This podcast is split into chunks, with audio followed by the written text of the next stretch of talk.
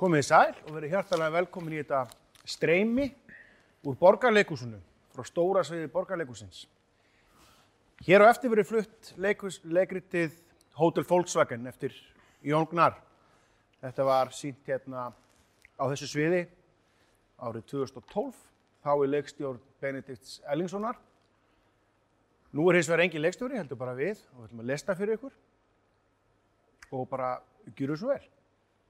Við erum stödd á Hotel Volkswagen. Personur og leikendur. Svenni gamli, Hallgrímur Ólafsson. Ludvík Bambi, Jón Gnarr. Pálmi, Bergur Þór Ingólfsson. Siggi Littli, Slass, Mamma Sigga, Vala Kristín Eiríksdóttir.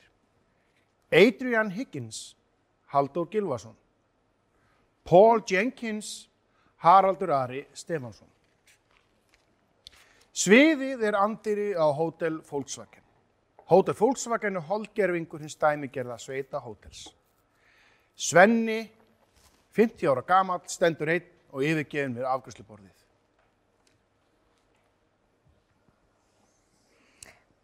En ef ég væri ekki til, myndi þér samt finnast vænt um mig? Já, já, Siggi minn.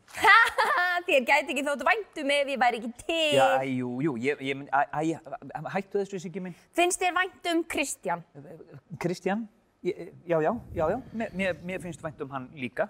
En þú veist ekki einu sinni hver hann er. Nei, nei, nei, nei, það er rétt hjá þér, ég, ég veit, veit það ekki. Hver, hver er það? Það er bróði minn? Bróðin. Já, sem er ekki til. En hvort finnst þér meira vænt um mig eða mömmu? Mér, mér, mér, já, mér finnst bara, ég, ég vænt um ykkur bæði. Bannað að segja já. Já, ég get ekki gert upp á milli ykkar. Veistu hvað mér finnst meira vænt um, þig eða mömmu? Nei, en, getum við að, aðeins ekki smá hlið núna, Siggi minn? Mömmu. Já, ok. Bara grín. Mér finnst meira vænt um þig. Það er ekki hægt að finnast vænt um einhvern sem er ekki til. Er hægt að finnast vænt um einhvern sem er ekki til? Já, auðvitað, auðvitað finnst þið vænt um mömmu þína. En hún er ekki til. Jú, jú, hún er vist til. En hún er dáin. Nei, hún er bara langt í burtu. En er hægt að finnast vænt um einhvern sem er ekki til? Ég, ég veit það ekki. Góðan daginn. Eru þið heimsbyggingar?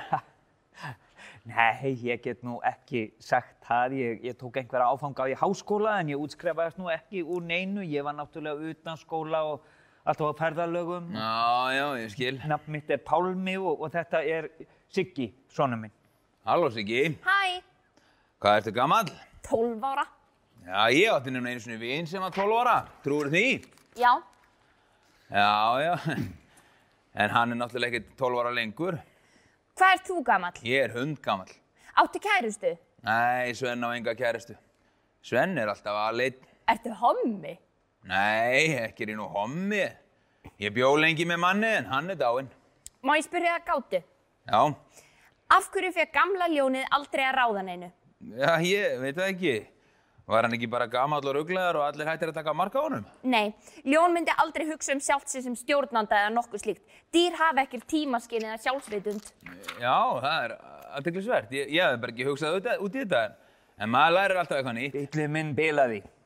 Mér skil, hvað er á honum? Ég veit það ekki. En, en það kvíslaði að með lítill fugl að hér væri gert við bíla. Eh, En það er kannski, það er kannski ekki þannig. Eh, Ég hef mentað mig sérstaklega í bílum og við gerum þeirra. Mhm, Já, þú, þú ert sem sagt bifila fiski.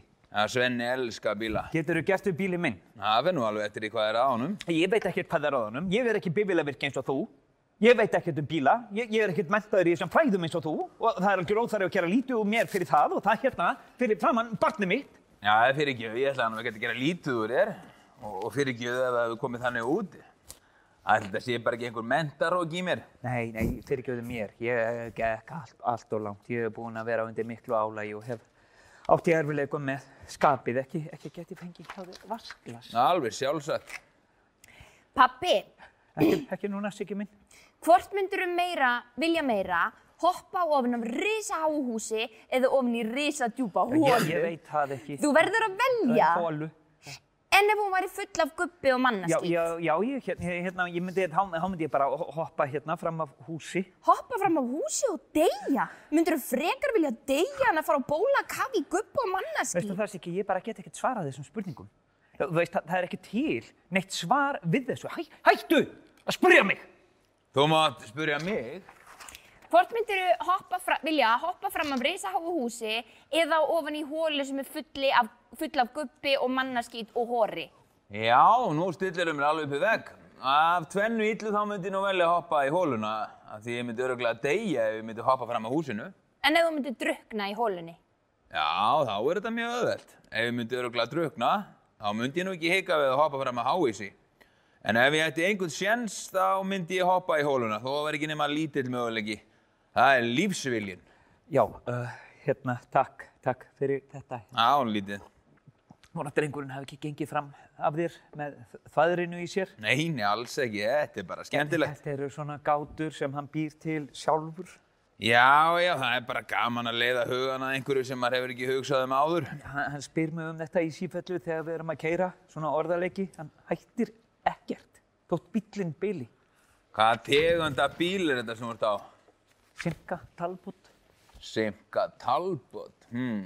En pabbi, hvort myndir þú vilja drekka kúfulla skúringafötu af ís, ís, ísköldu vatni eða fullt glas af sjóðandi heitu Ég, vatni? ég veit það ekkert, Siggi minn, ég er, að, ég er að tala hérna við mannin. Og hvernig lýsir bilunin sér? Lýsir, hvern- hvernig, hvað meinaru? Bilunin? Ég bara skil ekki spurninguna. Pabbi, Ég býta aðeins ekki minn, ég er að tala hérna við mannin. hvort myndir þú vilja borða fullan disk af pöttum eða fulla matskeið af úldnum Ég, ég veit, það ekki hvorugt bara. En þú verður að Ég- ég- velja. Ég,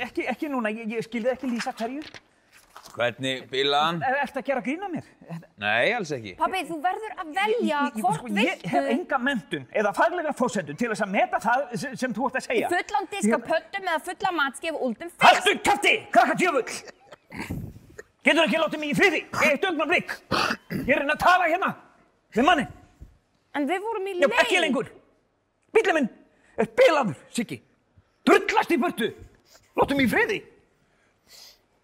Fyrirgefðu þetta, þú varst að spyrja mig að einhverju, fyrirgefðu, ég er undir gífulegu álægi. Já, ég, ég skil það. Ég, þú varst að segja mér að bíliðin hafi bilað Einmitt, einmitt. og ég spurði það á móti hvernig bilaðan. Já, ná, nákvæmlega, nú, nú, nú, nú skil ég þig. Já, hann bilaði þannig uh, að það lekur á honum vatn. Ég veit ekkert hvaðan þetta vatn kemur. Ég talaði við mann sem hefur einhverja þekkingu á þessu sviði og hann síndi mig gat í bílum og sagði mér að hella vatni í það. Ég, ég er búinn að gera það margóft. En það verðist ekki skipta neinu máli hvað ég helli miklu vatni. Það, það bara einhvers. Ég veit, ég veit ekkert hvert það fer. Ég, ég vil bara keira. Ég reyni að keira eitthvað en, þá það bara gís upp vandlikt og svo ríkur upp úr húttinu. En það, það er samt ekki samt eins, og- eins og þessi kviknað í neinu. Það Já, ég skil. Þetta er vaskassi. vaskar sinn. Já, Ja, vaskassi. hva, hvað er það? Einhvers konar kassi utan á vatn?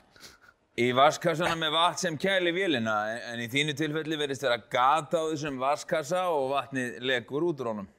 Já, já, já. Þannig að að allt þetta erfiði hefur verið til einskis. Ná, allt erfið er á endanum til einskís. Ég skil, ég skil hérna, er, er eitthvað hægt að, er, er, er hægt að gera eitthvað? Er, er, er þetta algjörlega vonlaust? Nei, nei, nei, það er hellingur þetta að gera. Það er bara þetta- bæði þetta að nota kýtti eða hreinlega sjóða fyrir gatið. Ég skil. Það- Svo getur líka bara verið laus hosa. Nei, nei, nei, nei, þetta, þetta, þetta er oftæknilegt fyrir mér. mér. Mér finnst þetta bara hljóma óhugnanlega. Ég legg bara traust mitt í- á þig. Ég legg bílinn í þínar hendur. Þú heldur sem sagt að það sé einhver von. Já, ég þarf bara að fá tíma til að kíkja á þetta og, og þið fáðu gísningu en aðeins bílinn er tilbúinn. Já, takk, takk fyrir það. Okkur, okkur veitir ekki af kvildinni eftir langt og erfitt ferðaleg. Hvernig, hvernig lítist þér á að, að gista hérna, Siggi minn? Hæ, Siggi? Hæ, og kannski fara í sjóðandi heitt bað. Ég vill ekki tala við þig. Þú ert ótrúlega leiðilegur. Sig, svona, Siggi minn. Ótrúlega leiðinlegur. Æ, látt ekki svona, Siggi minn, fyrirgefðu, Pál, Pálmi er bara þreytur. Búinn að vera ferðast mikið, hmm. Þú ert umulegasti pappi í öllum heiminum. Svona, svona, Hva, hvað er að? Það er rétt sem drengunni segir ég. Ég er ömulug fæðir, ég ræð ekki við þetta, ég get ekki verið móðir og faðir í einum líkama. Ég kann þetta ekki. Ég get þetta ekki. Ég gef drengin til ættleiðingar. Hæ? Jú. Jú, nei! Jú, jú, ég hef ákveðið það. Nei! Já, af tvennu yllu þá vil ég frekar að þú alist upp í allsnættum hjá ókunnugum en í fátakt og fyrringu hjá mér. Ég læti til ættleiðingar og svo ætla ég að fyrir fara mér. Nei, pabbi! Eh, Ekki reyna að tella mér hugkvarki, ég hef ákveðið þetta.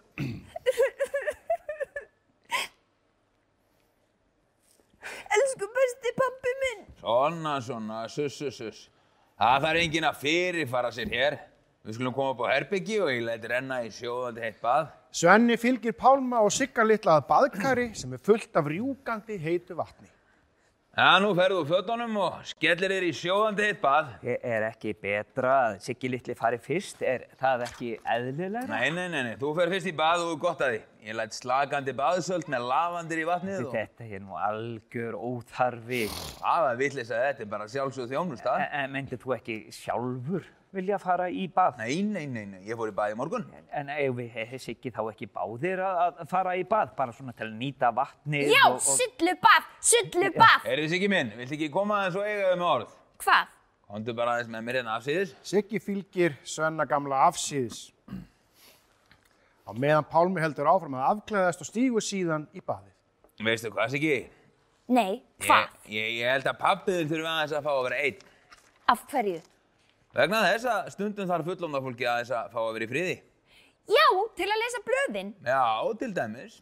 Eða til að fara í bað. Stundum á mótnana þegar ég er að segja pappa eitthvað, þá verður hann mjög reyður. Vegna þess að hann vil freka kúka og lesa blöðin en að tala við mig. Nákvæmlega. Og, og hvað gerir þú þá? Þá ég stundum að gráta ef pappi reyður. Já, en en hvað gerir þú til að pappiðin geti verið í friði? Ég fyrir stundum að spyrja hann alls konar gátur. Er það að spyrja hann gátur þegar hann er að kúka og lesa blöðin? Stundum. Þá ertu ekki að láta hann í friði. Það er nú ekki fallið, Siggi minn. Á ég að segja þér brandara. Já. Þrýr menn gengu inn á bar og pöntuðu sér allir tvöfaldan skrúdræfir. Já. Og barþjóðnin, hann var dvergur. Já. Þetta er alveg ótrúlega saga. Býttu, Já. menninir voru katholiki, einn var katholiki og einn var múslimi og einn var hann að hitt. Veistu hvað hann var? Já, var hann hann Var hann hindúi? Nei, ekki hindúi.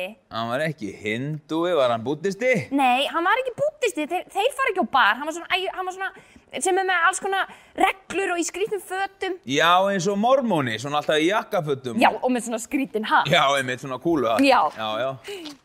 Og, og þeir pöntuðu tvöfaldan skrúdræfir og svo fóru þeir að drekka vín. Voru þeir að drekka vín? Nei, múslima drekka ekki vín. Það er líka hræðilegt að drekka vín. Já, það er hræðilegt. Faðið minn var aumingi af áfengistrykju og þess vegna er ég bindindismæður. Aldrei bræða vín á æfinni. Trúur því? Nei, Já, ég ákvaða að taka aldrei fyrsta sopan. Alkoholismi er sjúkdómur.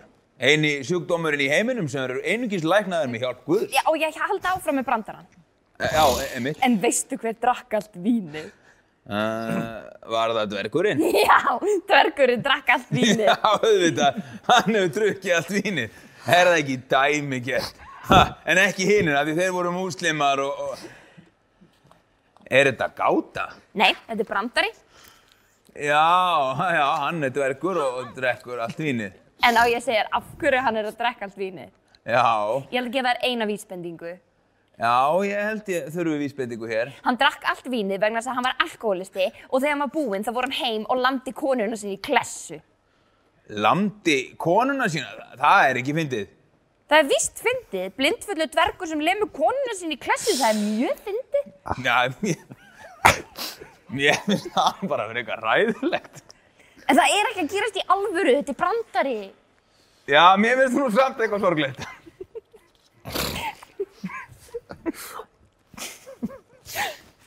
En, en, en, en, en, en, en, en, ef að, ef að konan hans er ekki kona, heldur önd og hann er bara að berja öndina. Já, ég... Hún heyrir alltaf í honum þegar hann er að koma fullur heim, þannig að hún fer með ungana út á tjöld, þannig að hann næri þeim aldrei. Já, en þetta er nú alveg ótrúlegur brandari. Hva, hvar heyrður þennan brandara? Ég bjóðum til sjálfur. Þú ert nú alveg ótrúlegur strákur. Já, á ég að segja gátu. Vilt ekki frekar segja mér hvað þú ætlar að verða þetta orðin stór? Ég ætla að verða töframaður. Á, töfra maður, það líst mér vel á. Þá ætla ég að galdra mömmu mína til mín aftur. Það er fallegu galdur. Ef ég ætti eina ósk, veistu hver sem myndi óska mér? Nei, það veit ég ekki. Kannski að fá mömmuðin aftur. Nei, Nú? ég myndi óska mér að ég ætti hundra óskir. Já, ef þú átt eina ósk þá áttu hundra óskir. Þú ert ótrúlega snjall og, og bara 12 ára gammal. En fyrsta óskin myndi ég óska að mamma, mamma mín væri hjá mér og önnur óskin myndi ég óska að ég ætti alltaf pening. Já, það getur gott að eiga smá auður. Og þriðja óskin, veistu hver þriðja óskin mín væri? Það ætlar að fara að segja mér allar óskirna þínar. Þriðja óskin mín væri ég myndi eiga endalust af ís. Já, það er flott ósk. Ég myndi bara borða ís. Þú ert ótrúlega. En fjórða óskin væri svona besta óskin. Já, já. Ég myndi óska að við ættum heima í risastórum kastala með hermönum og, sem væri með sverð og vélbyssur og myndi passa mömmu mína og skjóta og drepa alla sem myndi reyna að drepa hana eða mig og ég myndi líka drepa þá og ég myndi líka óska mér að þeir væri allir dauðir en ég geti líka alltaf nota síðustu óskina til að óska mér að eiga aftur hundra óskin. Já, það er ótrúlegt alveg. Ég, en nú þarf Svenni eiginlega bara að fara að kíkja á bílinn. Ég geti líka óska mér að eiga þúsund óskin. Já, einmitt, En einmitt. Ég ég hvað ég væri búið með margar óskir, hvers ég væri búin að óska mér og, og gleyma að telja. Og svo myndi ég kannski óvart klára allar óskirnum mínir, nema ef ég myndi óska mér fyrir eina ósk, þá myndi ég, al, myndi ég aldrei klára óskirnum mínar, þá væri það í lagi. Já, já, einmitt. Veitingasalur hótelsins. Adrian Higgins og Paul Jenkins, hjóna með þeim aldrei, sitja við borð og skoða matsela. Þeir eru báðir kallmenn en Paul Jenkins er klættur eins og fín frú hárkollu og tala með hári röddu eins og kona. Jæja, já, já, já, ég er bara búin ákveða mig. Ég ætla að hafa með mauk, Volkswagen mauk. Hvað ætlað þú að fá þér ástu mín? Æ, ég veit það ekki. Ég nú kannski að hugsa um að fá mér eitthvað sjávarétt. Er allt í lagi með hárið á mér? Casa del Mare, rækjur, muslingur, bláskel, krabbakjöt, hörpuskel, kræklingur, þistilhjörtu, hakkað og búið fram á kartöflu músar beði. Það hljóma nú ekki illa ástin mín. Æ, ég veit það ekki. Ég er nú ekki hrifin af hörpuskel. Ah, þú getur öruglega fengið það án hörpuskeljar. Heldur það? Já, já, já, bara, við bara kokkinum að sleppa því.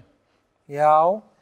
Jú, ég held það bara, en, en finnst þér ég líta vel út? Já, þú luti mjög vel út ástin mín. Er hárið í lagi? Já, já, hárið er í fínu lagi. Paul Jenkins var að lita sig. Svenni sér Paul Jenkins og eitthvað hann higgis við borð sitt. Já, já, fyrir Tíunda óskin er uppáhalds óskin mín.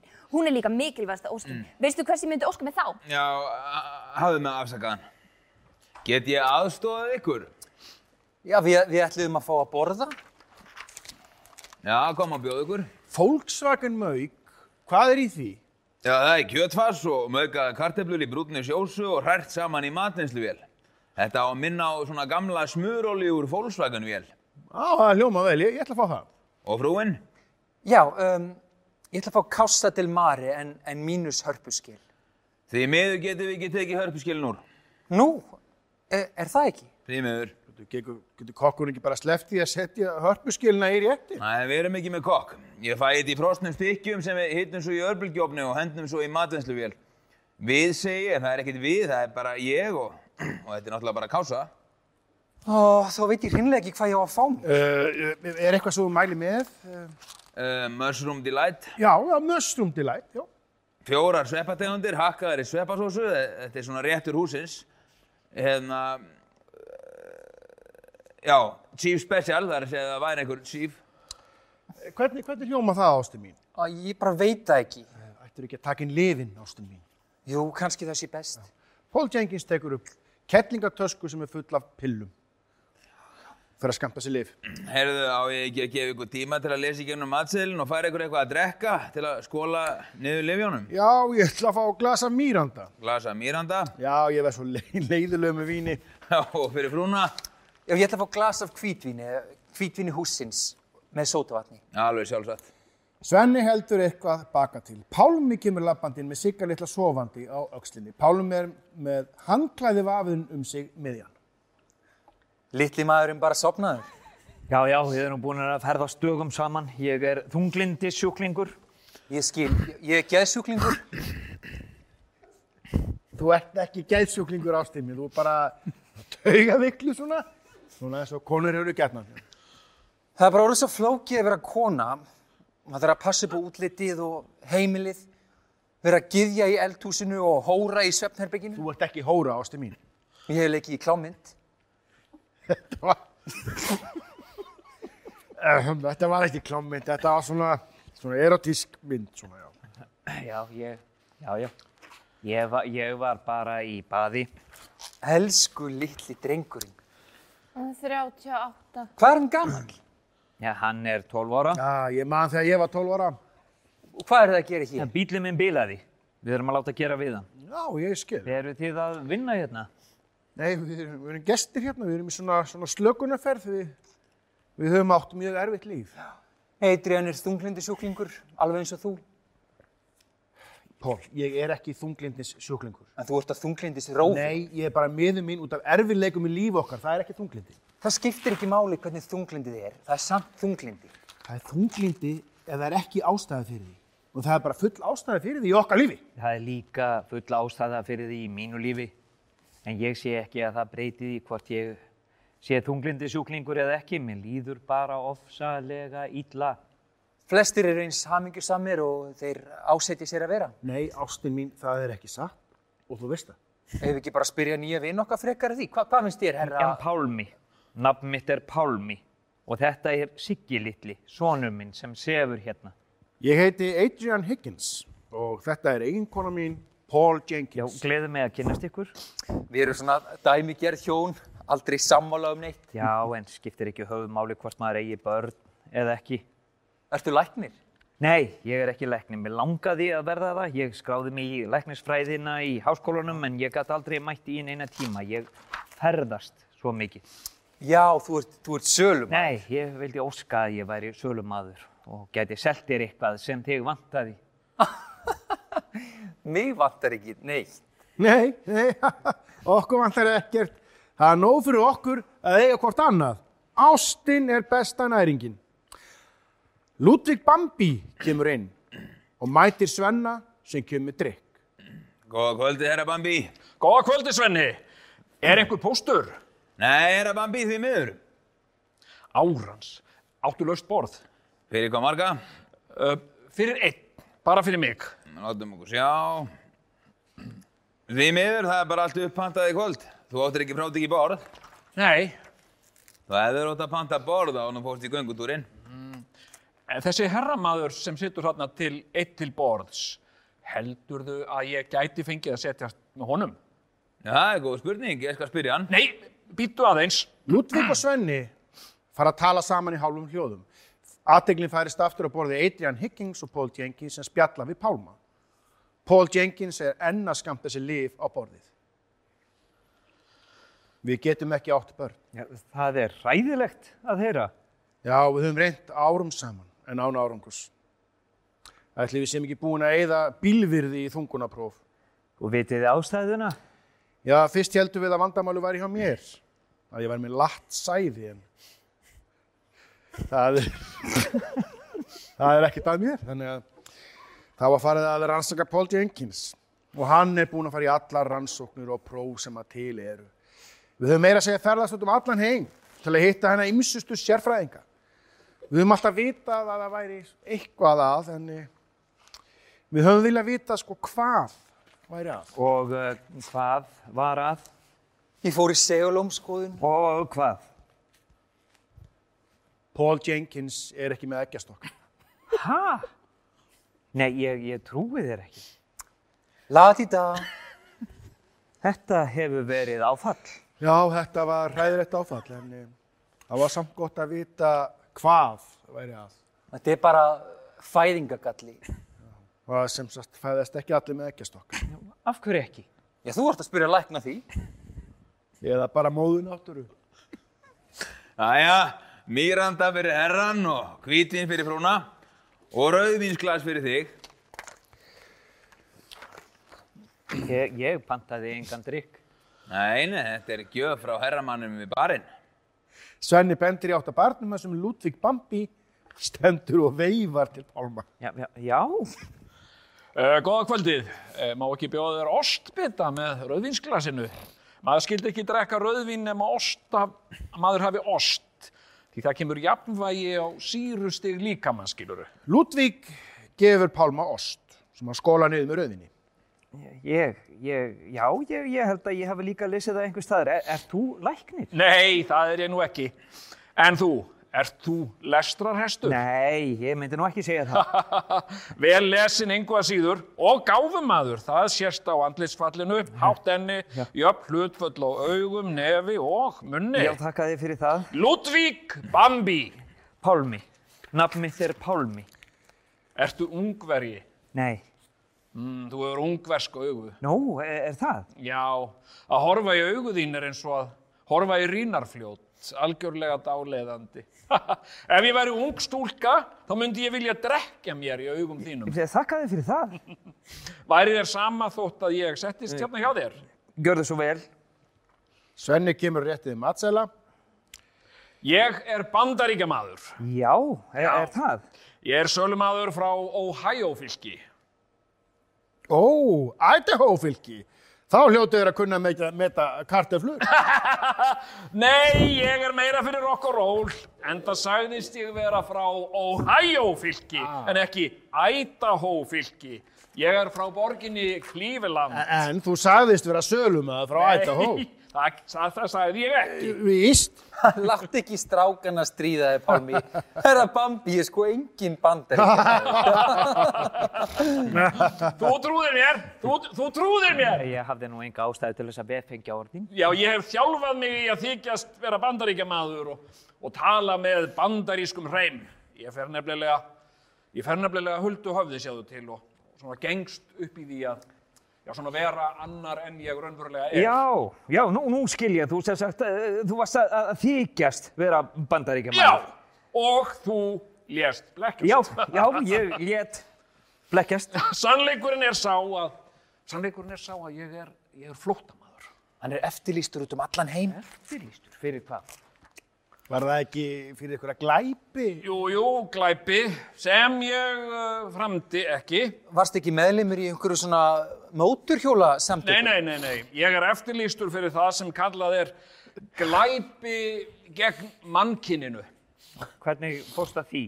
Nú, bara fyrir það eitt að sinna vinnunni minni og, og gera svona það sem ég var sagt að gera. Og hva, hvað varst að vinna? Æ, ég var yfirmaður í svona fangabúðum. Maður hefur farið meira og minna. Huldu höfði frá, frá, frá styrðislokum. Þetta hefur verið gríðarlega erfitt fyrir hann. Já, ég trúi því. Já, ég hef verið eftirlýstur og ofsóttur af fjölmiðlum. Ég hef ekki svona tækifæri til að koma frá mótbyrlega og verja mig. Ef það væri ekki fyrir Svenna, þá væri ég valla á lífi. Ég er búinn að vera bara flóttamaður, meiri part lífsmins. En um, hvað með fjölskyldu þína? Æ, ég á enga fjölskyldu. Ég er ekkill, ég á tvo sinni en þeir vilja ekkert tala við mig. Nú, af, hverju ekki? Ég veit ekki. Kannski eigum við ekki skap saman. Þannig að þú ert bara einstæðingur. Nei, alls ekki. Ég á Svenna og svo á ég mér markmið. Nú? Já, gömlu vinnufjölugunum mínum tókst að flýja til Argentínu eftir stríðið og hafa komið sér ágætlega fyrir þar og þeir tóku með sér töluverta verðmætum og, og þeir býða eftir mér þar. Ég á mér að segja hús í Argentínu, alveg glæsilegt hús og, og bara, bara töluvert mikið af peningum inn á banka. Þetta er húsið mitt í Argentínu, Bambistad.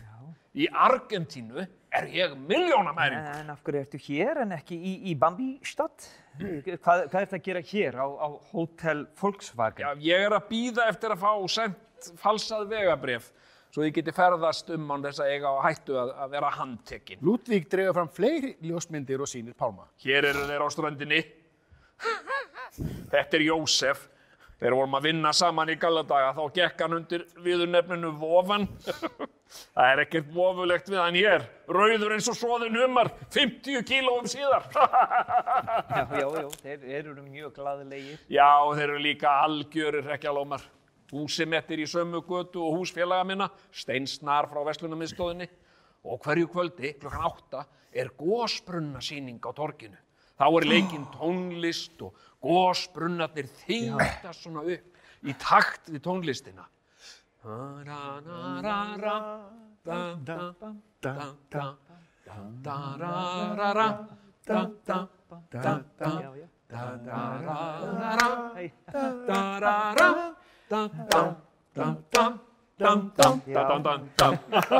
Indislegt, herra Bambi, indislegt eins og alltaf.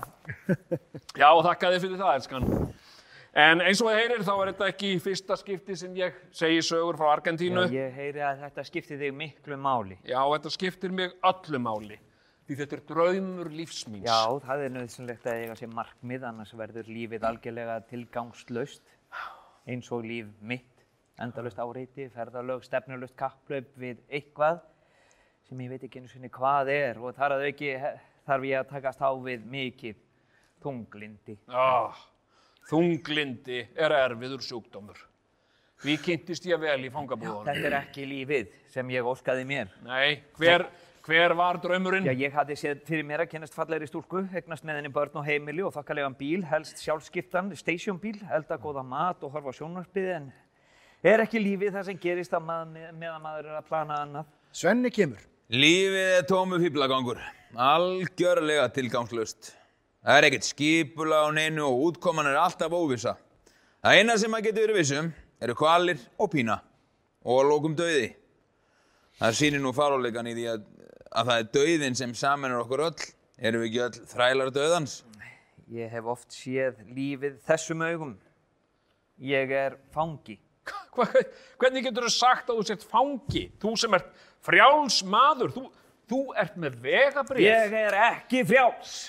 Ég er fangi í þessum líkama. Ha, hvað meinar þú? Sjáðu, sjáðu þennan líkama. Pálmi stendur upp, rýfur af sér hangklæðið og slýsir í ringi til að sína nakin skrokkin.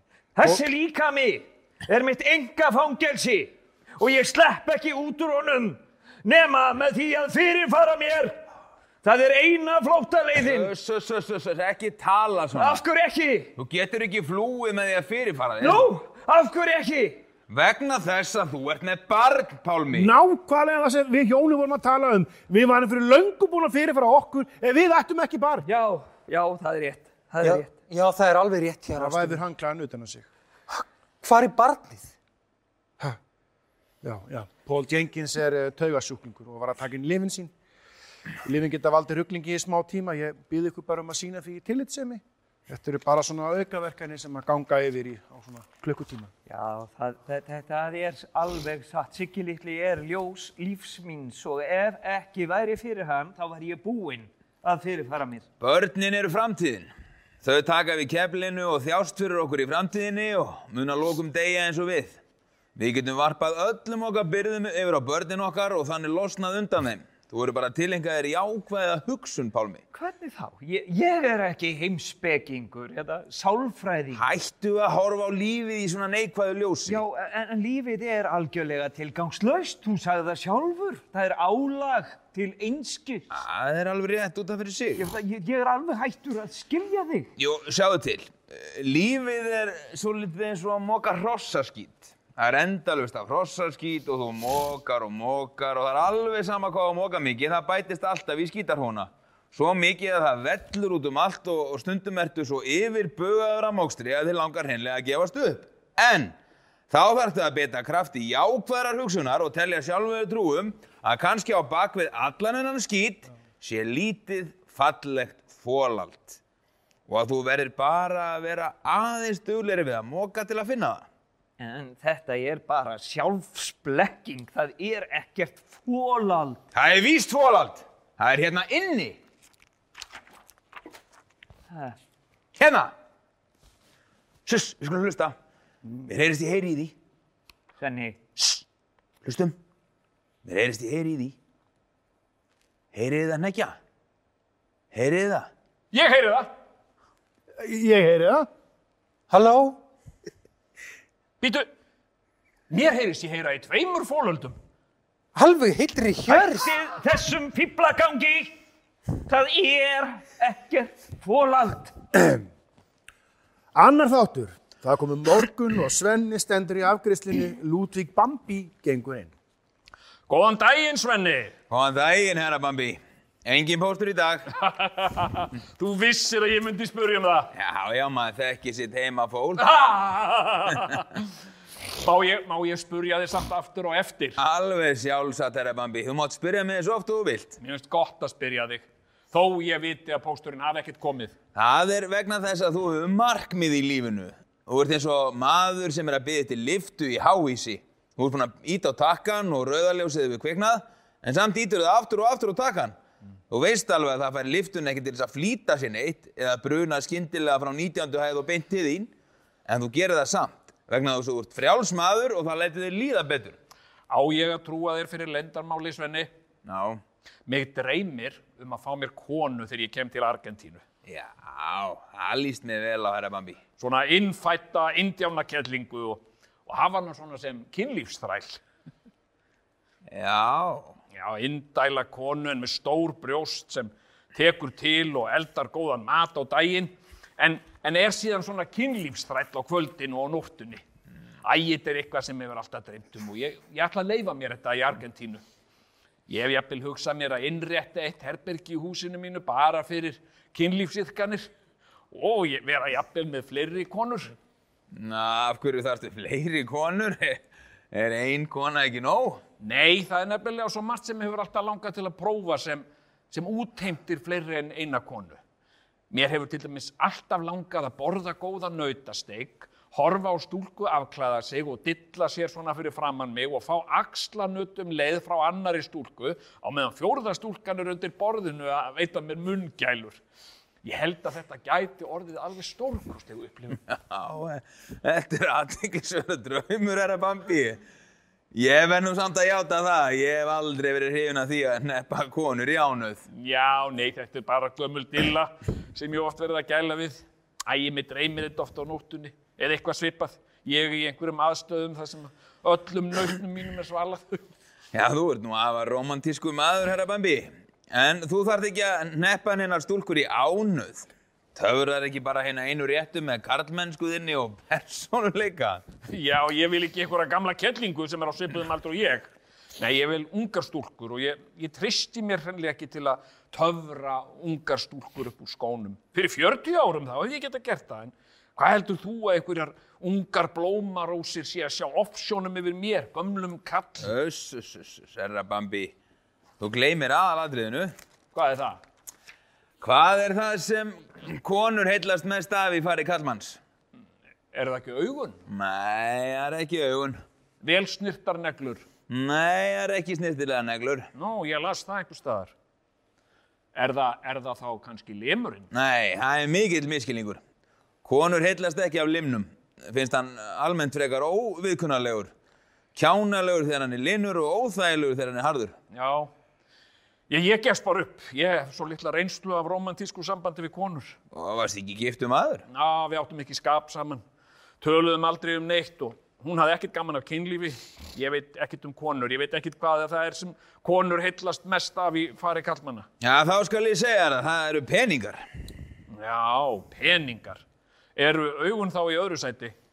Ef þú ert ríkur, konum er alveg saman um augun í fátækumönnum.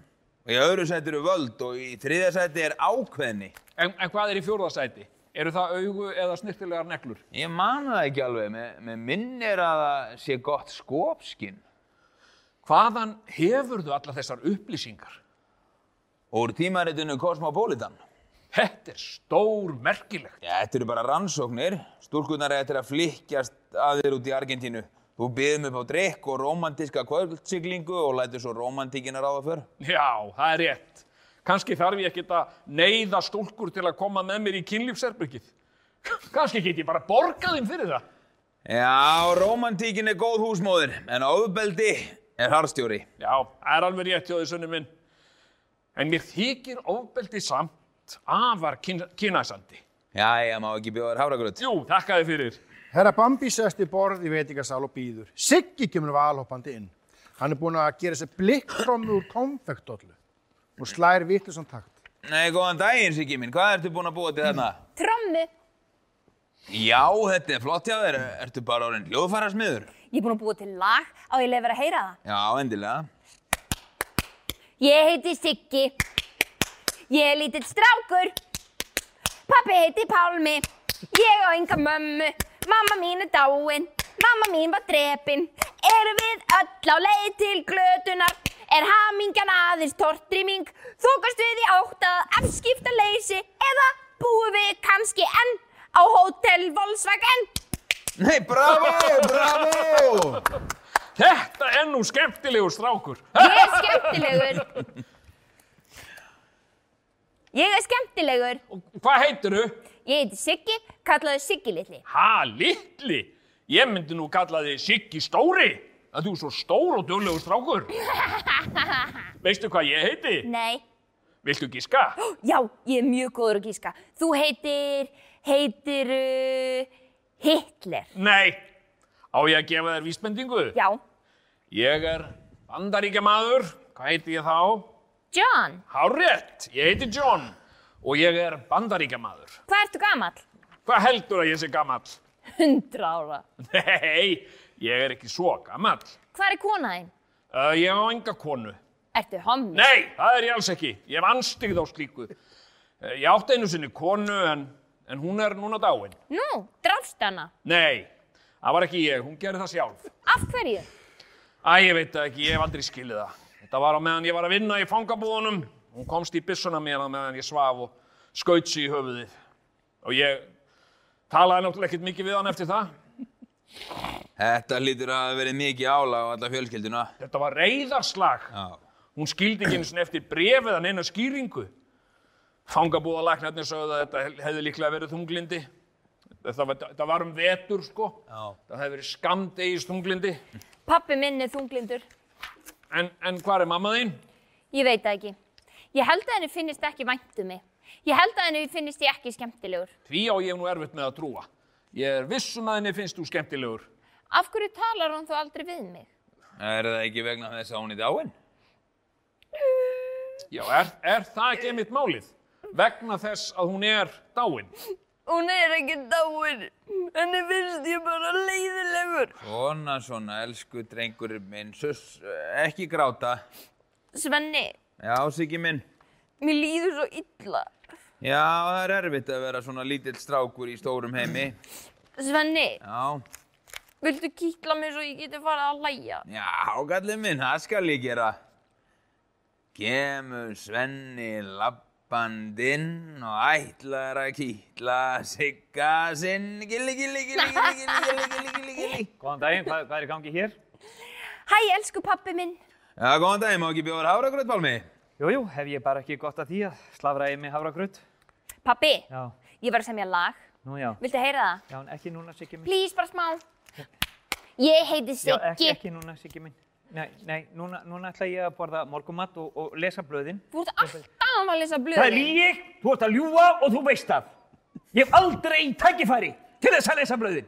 En ég hef ekkert Já, að farðu út gera. og leiktu þér. Það er ekkert til að Jú, jú, jú, leika sér. er, er það ekki landkönnuður? Jú. Já, viltu ekki bara fara út og kanna landið hérna í kring? En má ég segja þér eina gátu? Ég er í stuði fyrir gátu. Ok, hvað sagði mörgæsin við ísbjörnin?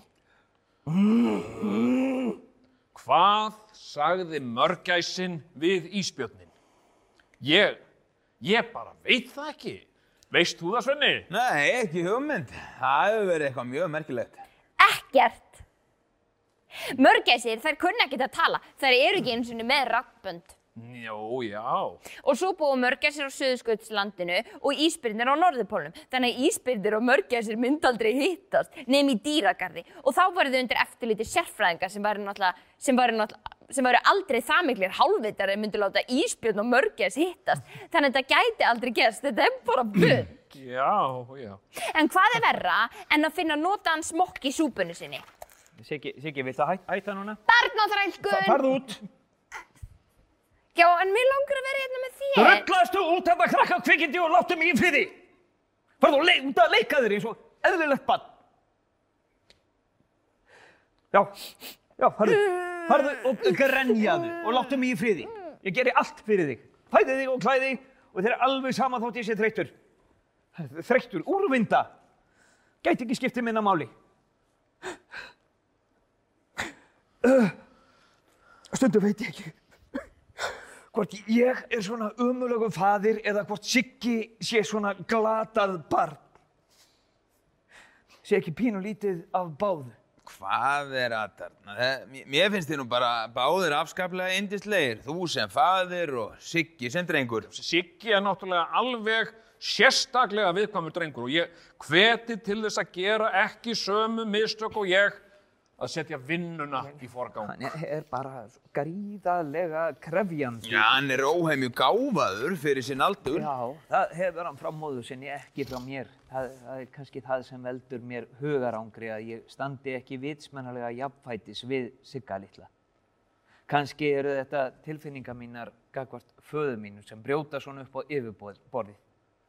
Hvern, hvernig er það? Getur maður, getur það verið að, maður sé, að ég sé að yfirfara tilfinningar mínar úr sambandi mínu við föðu minn yfir á samband mitt við svon minn? Sko, það getur meira en velverið. Ég þekki það bara af eigin reynslu. Þú skalt ekki álása þig, Pálmi. Batnauppeldi er flókið og þar verða báðir aðilar að leggja sitt að mörgum og ekki, ekki síður batnið en uppalandi. Já, já, já, já.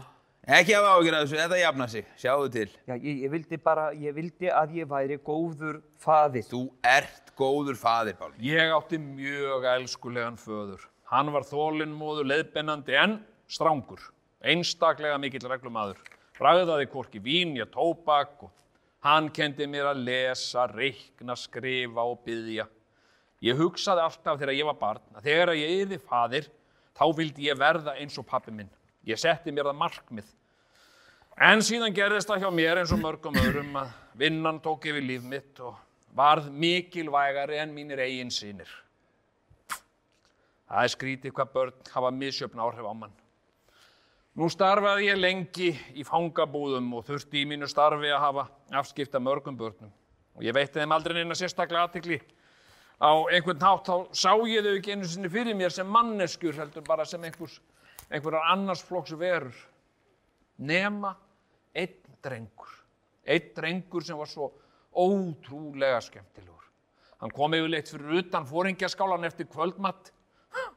Þá var hann þar og svo lék hann svona listir sínar fyrir okkur. Hvað? Grindtóraður og tannlaus náði. Hvað hann gat hoppað og skoppað. Það var bara eins og hann væri hreinlega liðamóta laus.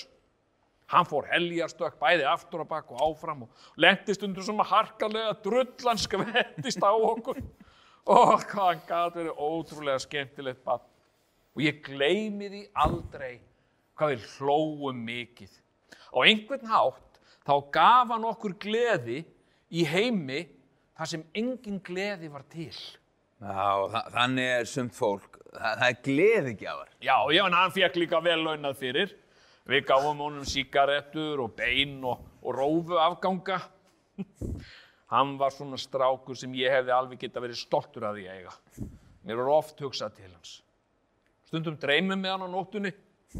Velti því oft fyrir mér hvað, haf, hvað var orðið um hann í öllu þessu ruggli. Það minnir mig nú á minn eigin svon, svona kraftmikill. Hvað hétt hann? Við kölluðum hann nú bara alltaf sprella. Hann var alltaf eitthvað að sprella. Nei, ég man ekki hvað hann hétt. Man ekki einu sinni hvaða númer hann var. Ofsarlega skemmtilegu strákur. Ve veistu eitthvað hvað varð um hann eftir stríðið? Nei, það gerðist allt svo hratt. Bandamenn voru að koma og allir að flýja og... Æ, ég hef aldrei getað fyrirgefið mér almennilega að hafa ekki tekið það með mér. Að hafa yfirgefið sprella.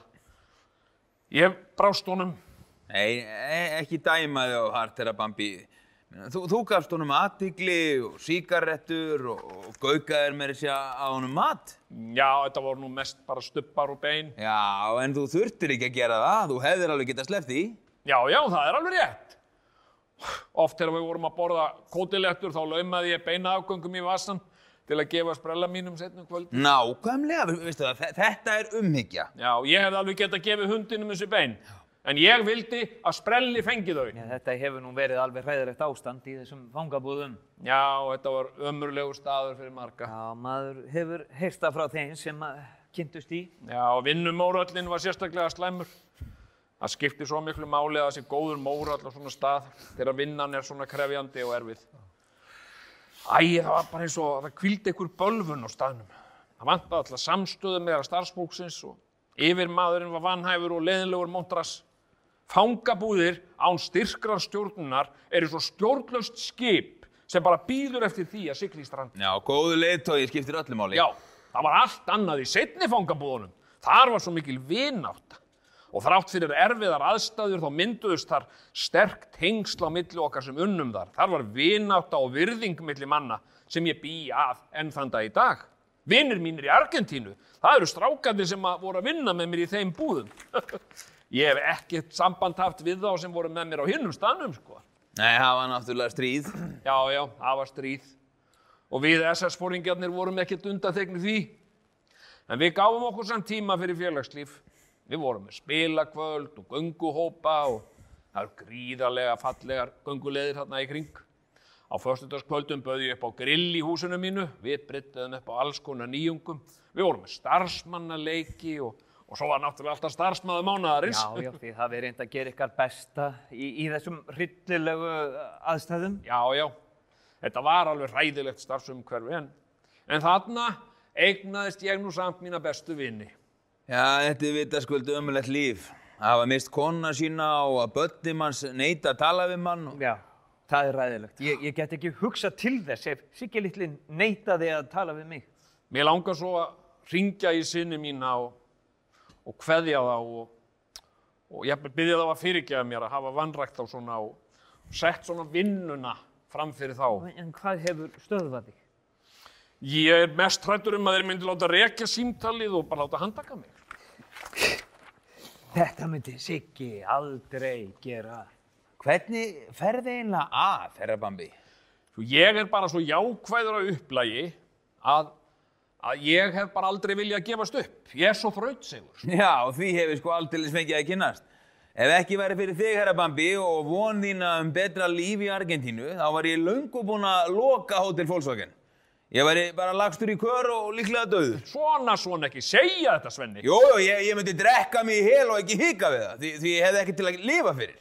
En ég fæ lífsvilja í gegnum þína von. Kondu þá með mér til Argentínu, Svenni. Ha, Ég er að bjóða þér að koma með mér til Argentínu. ég, það er ekkert pláss fyrir mig í Argentínu. Það er alltaf pláss fyrir þig, Svenni. Það er auka herbergi í húsinu. Næ, ég, ég veit ekki. Ég tala ekki tungumálið. Þú talar tungumál vináttunar, Svenni. Hugsaðu málið, sömar frí, það sem eftir er ævinar. Við getum valið um að drekka límonaði á garðsvölunum eða flatmaga á ströndinni sem er beint fyrir framann húsið. Já, eða fara í göngutúr á kvöldin og, og sjá gósbrunna sýninguna. Svenni, drikk á línuna! Bambi fyrir að leika gósbruna og hummadónum að síðan. Allir fórstu drikk. Jenny klappar. Pálmi hýfst með. Siggi litli kemur hlaupandi inn og reynir að vera með þeim. Hvað er þú að gera hér? Mér langar að dansa með, Já, nei, ekki núna. Farðu. en ég vil vera með ykkur. Láttu mig í frið. Láttu mig í friði. En ég, Nei, Láttu mig bara í friði, krakka fíll. Ja, ekki vera leiður, Siggi minn. Stundu þurfa pappar bara að fá að vera í friði og, og dansa við mennina. af hverju? Ég, ég veit það ekki, en, en þú skilur þetta þegar þú tónur stór. Þeir syngja og dansa og fara út. Ég heiti Siggi, ég er lítill strákur, ég á enga vini, ég er alltaf einn, ég á enga mömmu, engum finnst vænt um mig, af hverju finnst engum vænt um mig?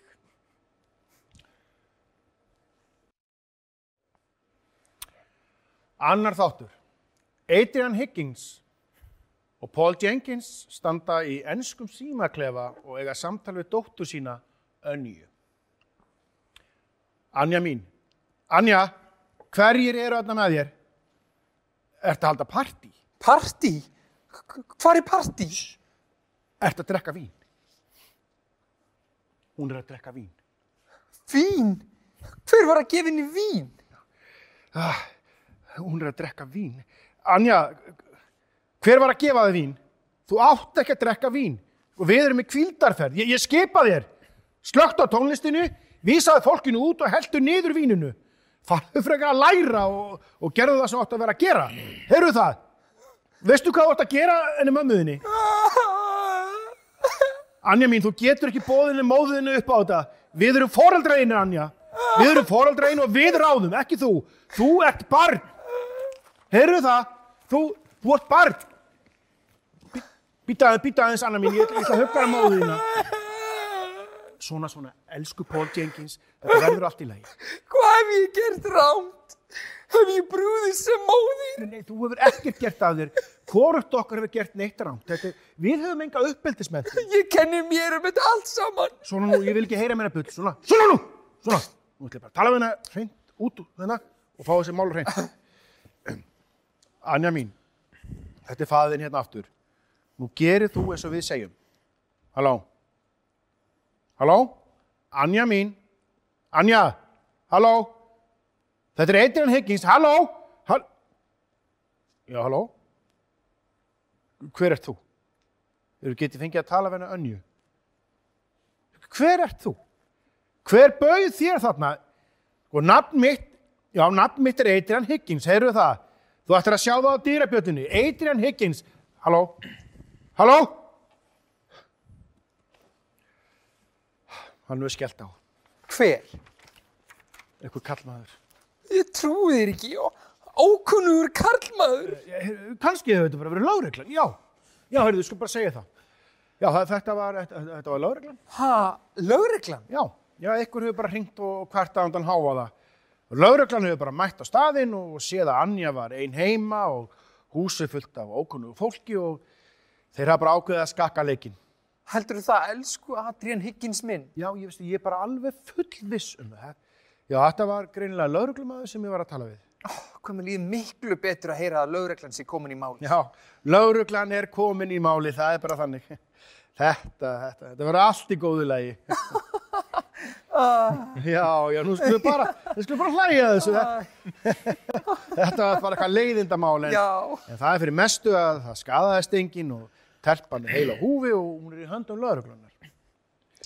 Sæll Svenni minn, nú held ég verða að panta mér hjá þér, panta hjá þér eitt sherryglas til, a, til að róa taugarnar. Nei, nú get ég eiginlega ekki afgreitt vín. Því augnablíkinu er í bifirleverki. Nú, eh, en er eitthvað sem getur afgreitt vín svo ég geti róa taugarnar? Því miður, Nei, sko, heyrðu mig nú. Það er ekki eins og við sem að panta hérna heila flöska víni. Paul Jenkins vil bara eitt staup, bara til að róa taugarnar. Er það til og mikils mælst? fyrir ekki þú, þú hefur lög að mæla. Pálmi minn, Já. gætur þú hlaupið í skarðið og afgreitt, afgreitt Paul Jenkins um eitt sherryglas? Já, alveg sjálfsagt. Ég er að gera við bíliðin. Já, nákvæmlega. E e eitthvað að frétta. Nei, nei, nei, ég er bara að vinna í þessu. Svenni hverfur. Já, ég verð að fá vín til að róa taugarnar. Nú, kom eitthvað fyrir. Já, við erum fyrir smá áfalli en það er allt í lagi núna. Lauruglan er komin í málið. Uh, Láreglan, er, er Láreglan að koma hingað? Engar áhyggjur, herra Bambi. Vi, við myndum aldrei senda lauruglun á þig. Nei, nei, þeir voru að, þeir voru að handtaka dóttur okkar. Fyrir geðu ég hrætti því með bullin í mér. Hérna, svona, skelltu þessu í þig. Þetta róar tögarnar. Ah, þetta róa taugarnar. Heyrði ég rétt að lögreglan hafa handtekið dóttur ykkar? Já, sem betur fer. Ég held að þið gætuð ekki átt börn. Við gætum ekki átt börn. Akkur ættum við ekki geta átt börn eins og hver annar? Vegna þess að þú ert ekki með ekki að stokka. Þetta þykir mér nú ansi persónulegt. Hvaðan hefur þessar upplýsingar? Frá yk ykkur. Ha? Já, já, þið sögðu mér þetta þegar við hittumst. Já, já, fyrir gefðu, ég, ég líti að vera orðin drukkin af öllu þessu víni. Já, já. Þegar að læknandi tilkynnt okkur að Paul Jenkins gæti ekki átt börn á, þá voru við alveg niðurbrotin. Þetta var algjört reyðarslag og það greip okkur örvending. Við vorum náttúrulega búin að hlakka svo mikið til. Náttúrulega Paul Jenkins aðalega, en við vorum búin að hlakka svo mikið til að eignast lítið kríli sem var einhvers konar framlenging af okkur. Einhvers konar Adrian Jenkins eða, eða Paul Higgins. Já, það var einu öfnin sem voru búin að láta okkur detti í huga eftir því hvort það hafi verið strákur eða stelpa. Já, já. Í örvandíku okkar þá ákvaðum við að ætliða og eitt kvöldi þegar við vorum að drekja sorgum okkar í heimagerðu sveitavíni þá fórum við á ætliðingasíðu á netinu og við ætliðum litla stúlku. Já, já, ég, ég skil. En þegar hún kom síðan til okkar, þá kom í ljós að þetta var nú ekki beinlinnis lítil stúlka heldur. Reynlega kona og svipum aldrei og við. Þetta var, þetta var náttúrulega alltaf rústnesku. En eh, við reyndum svona að gera það besta úr þessu og við letum hann af herbergi og já, hún fær vasapinning. Já, sem hún, reiði nú, sem hún eigði nú reyndar öllu í vín. Já, hún er alkoholisti. Hún er búin, búin að breyta heimil okkar í, í drikkjubæli og gera okkur að meðverkum aðstandendum. En, en hafið þið talað við laurugluna? Nei, nei, það höfum við ekki gert. Næ, það er gott. Við læstum okkur bara inn í svefnaböggin okkar. Migum og höfum hægður út úr gluggan og svo með hirtnatappa til að fá svefnfrið.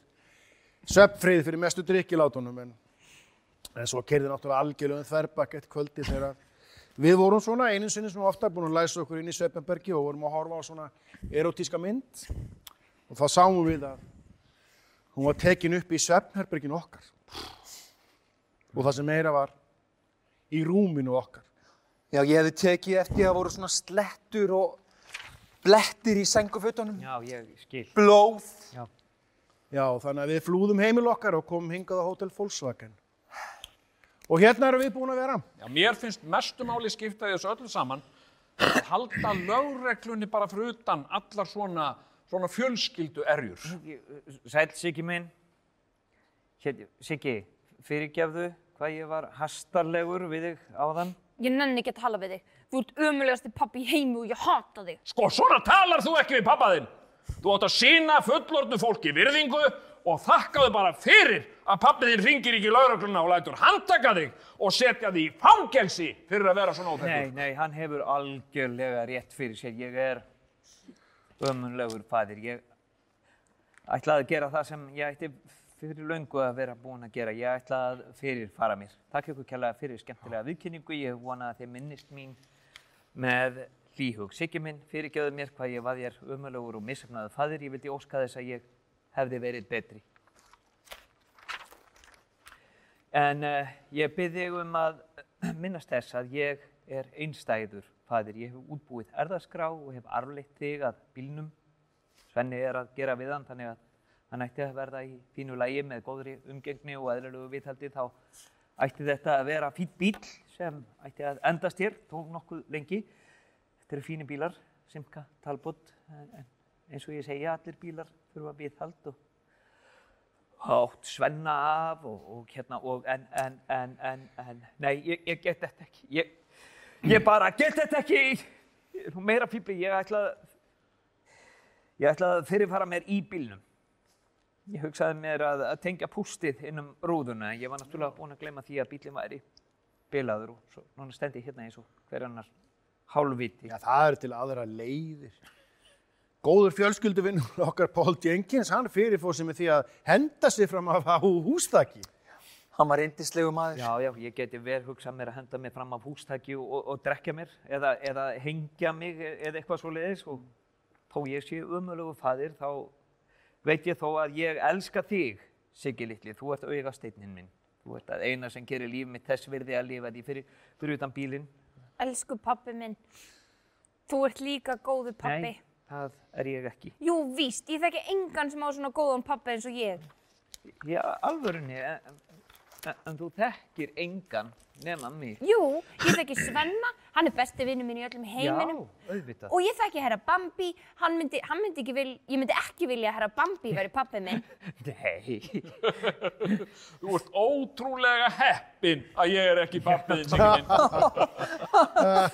Nei, ég get ekki verið einninn á verstaði og hlustað á hlátraskotin hér. Nei, það gengur ekki þegar allir gestirnir eru saman komnir að gestgjafinn sé fjárverandi við bílaviðgerð.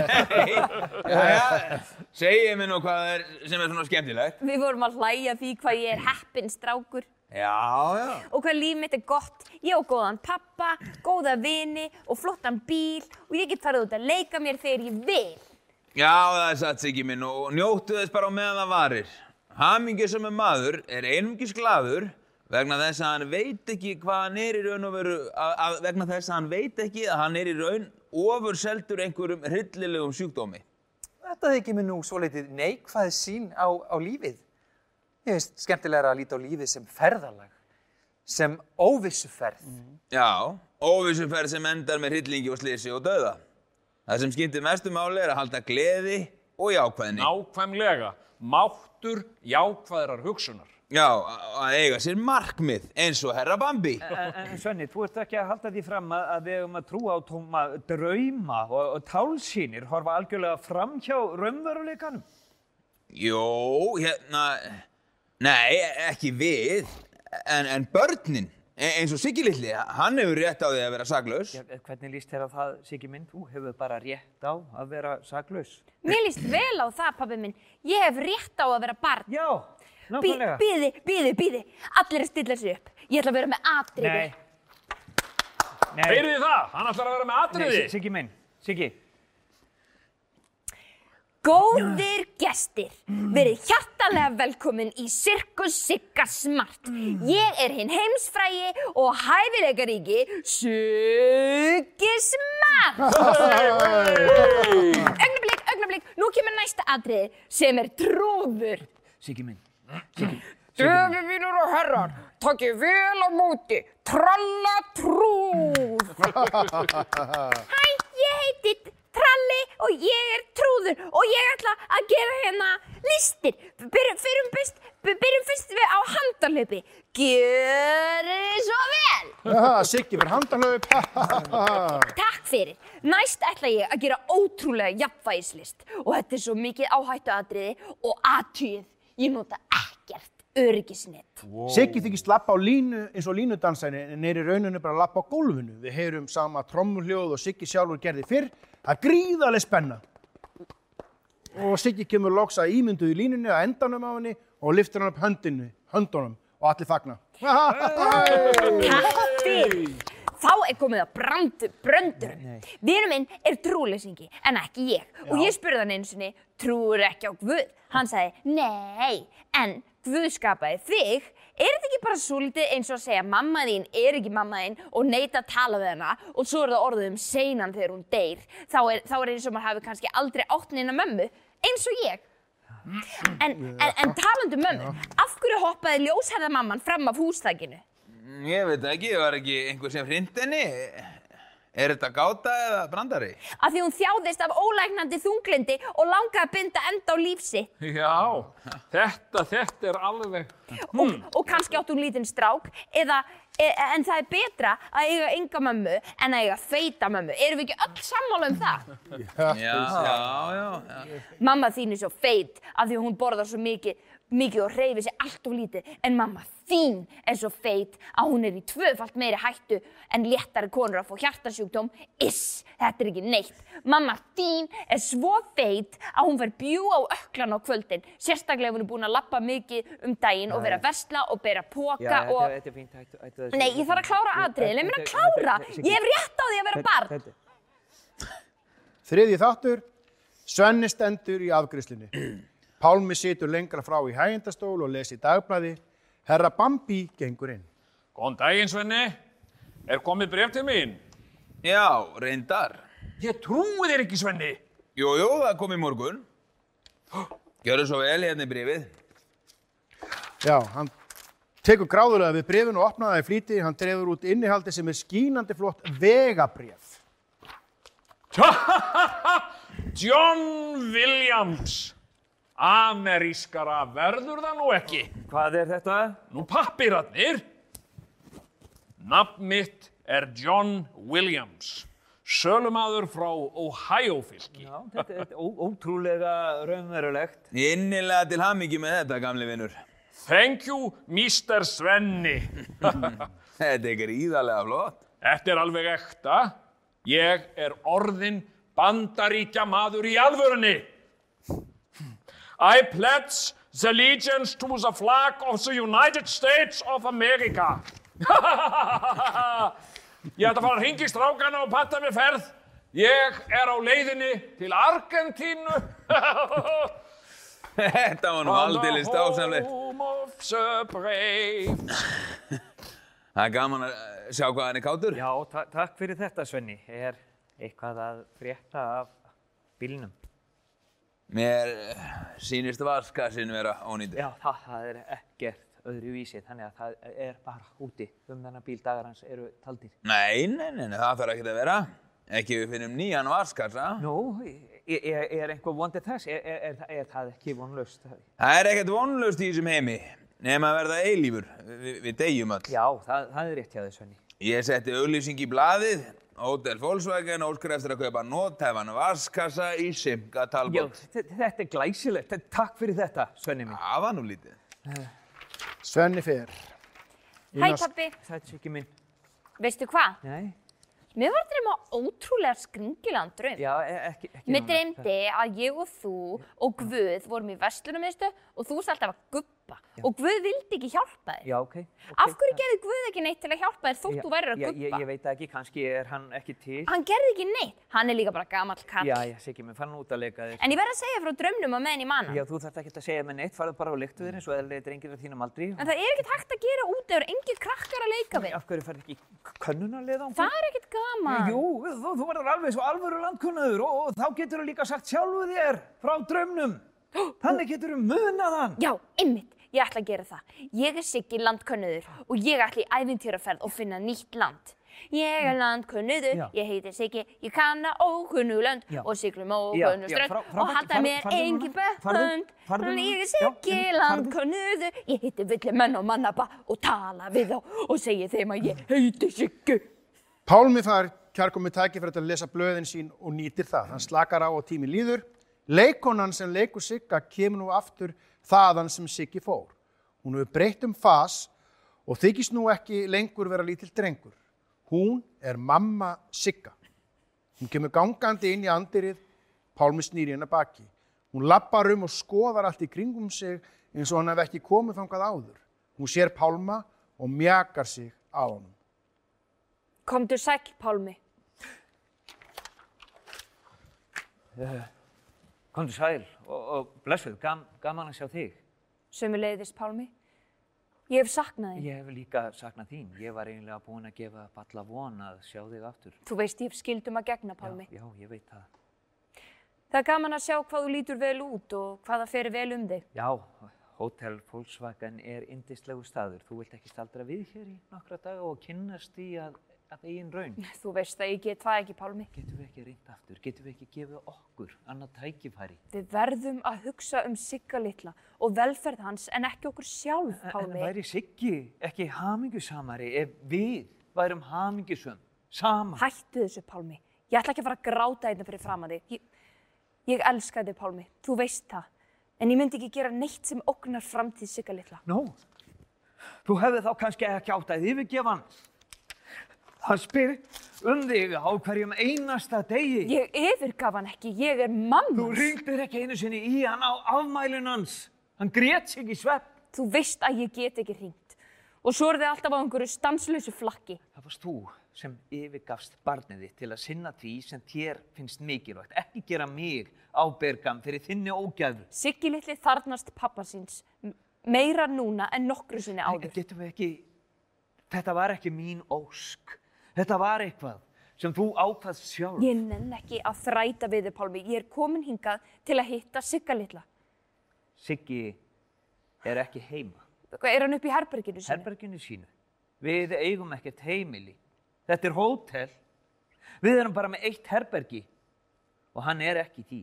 Viltu segja mér hvar Siggi minn er? Ég hef rétt á því að hitta. Ég er ekki að leina þig neinu. Það er ekki eins og ég sé að halda barninu frá þér. Ég vil ekkert frekar en að hann fá að hitta þig. Hann er bara úti að leika sér einn. Hann á enga vini. Hann er einn að segja sjálfur sér frá draumi sem hann dreymdi nótt. Er hann einn? Hvernig getur þú sett hann einan út? Hann er 12 ára gamall, hann getur alveg bjarga sér einn. Þú veist hvað hann er æfintýrakjar? Hvenær kemur hann aftur? Ég veit það ekki. Hvernig er bíllinn? Hvað er skyndilega áhugið er þetta á bílnum? Þeir eru alltaf verið sama um þennan bíl. Mér er ekki sama. Þessi bíll hefur mikið tilfinningalegt gildi fyrir mig. Ég hef setið mikið í honum, bæði sem bílstjóri og sem farþegi. Er allt í lagi með hann? Já, það er allt í lagi. Bilaðu vaskarsinn. Bilaðu vaskassi. Já, e eða ó- ónýtur. Er bílinn ónýtur? Nei, nei, nei, ég veit ekki. Ég, ég kann ekki tæknilega útskýringarnar á, á þessu öllu. Ég á heimtingu á að fá að vita hvað er að bílnum. Ég á jafn mikið í þessum bíl og þú, Pálmi. Málið er hjá Svenna. Það er í hans höndum. Svenna? Hann er eigandi Hotel Volkswagen. Halló? Halló, er, er einhver Svenni hér? Ég er Svenni, velkomin á Hotel Volkswagen. Komdu sæll, Svenni. Ég er móðir hans Sigga litla.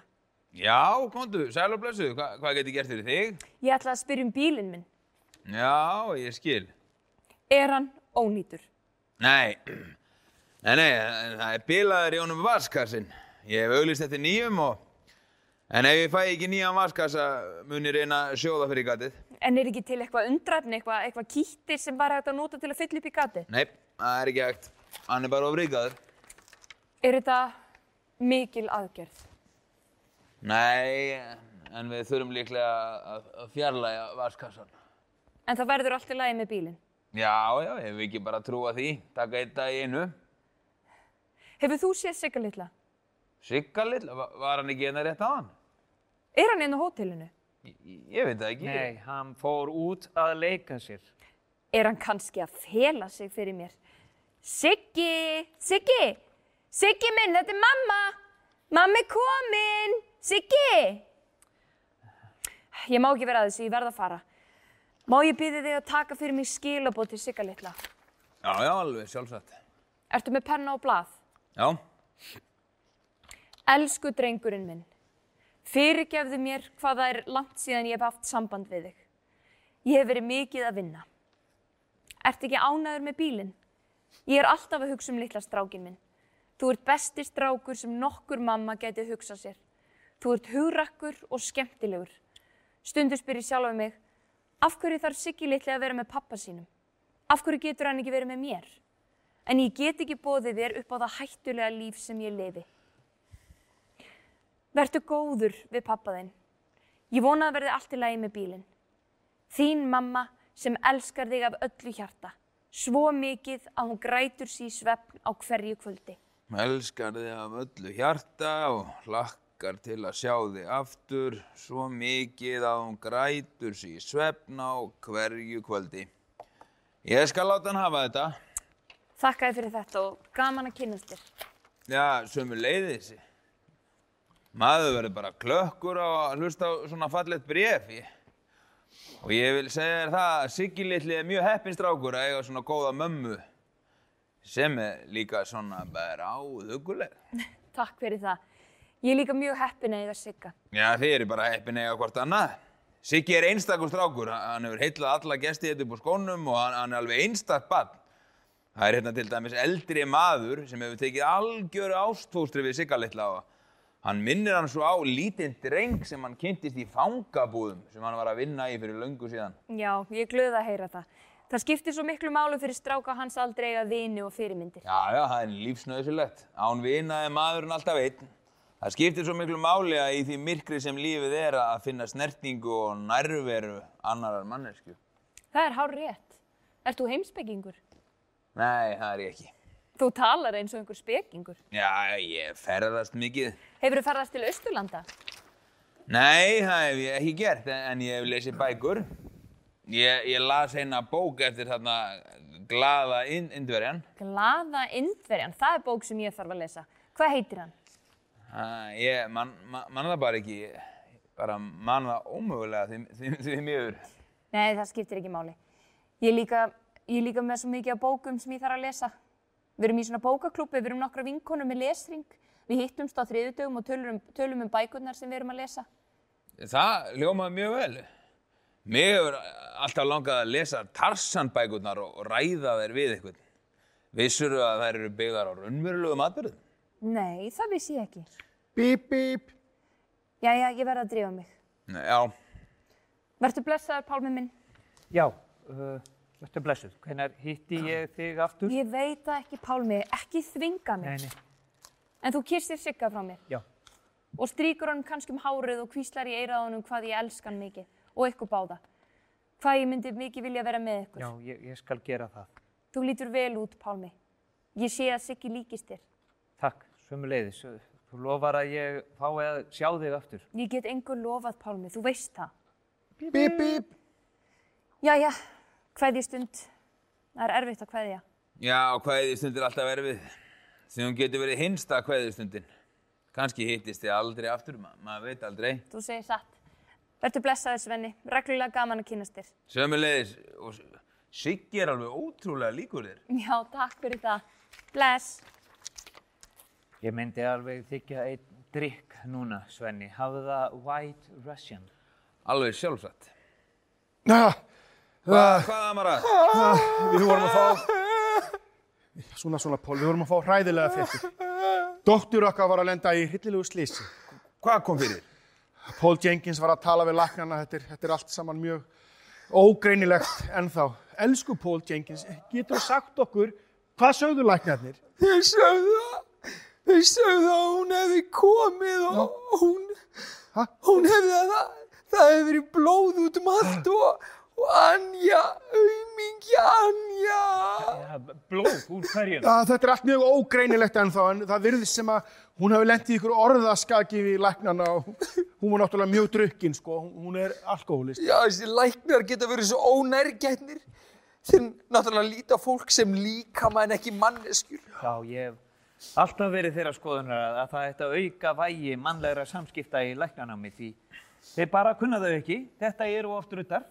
Já, eins og Jack the Ripper. Var hann ekki læknir? Jú, nákvæmlega, það segir allt sem segja þar. Og réðust læknarnir á hana? Hvað sáttu þið fyrir henni? Ha, ástu mín. Ástu. Nei, þeir bara rifust í henni, það voru öryggisverðinni sem að riðust á hana. Fjórir eða fimm. Það var náttúrulega algjört ofureflaði etja. Þetta er bara líkamsárás. Þú ert hérna með einstakling sem er bæði offiti sjúklingur, það drukkinn, hann heldur alltaf jafnvægi.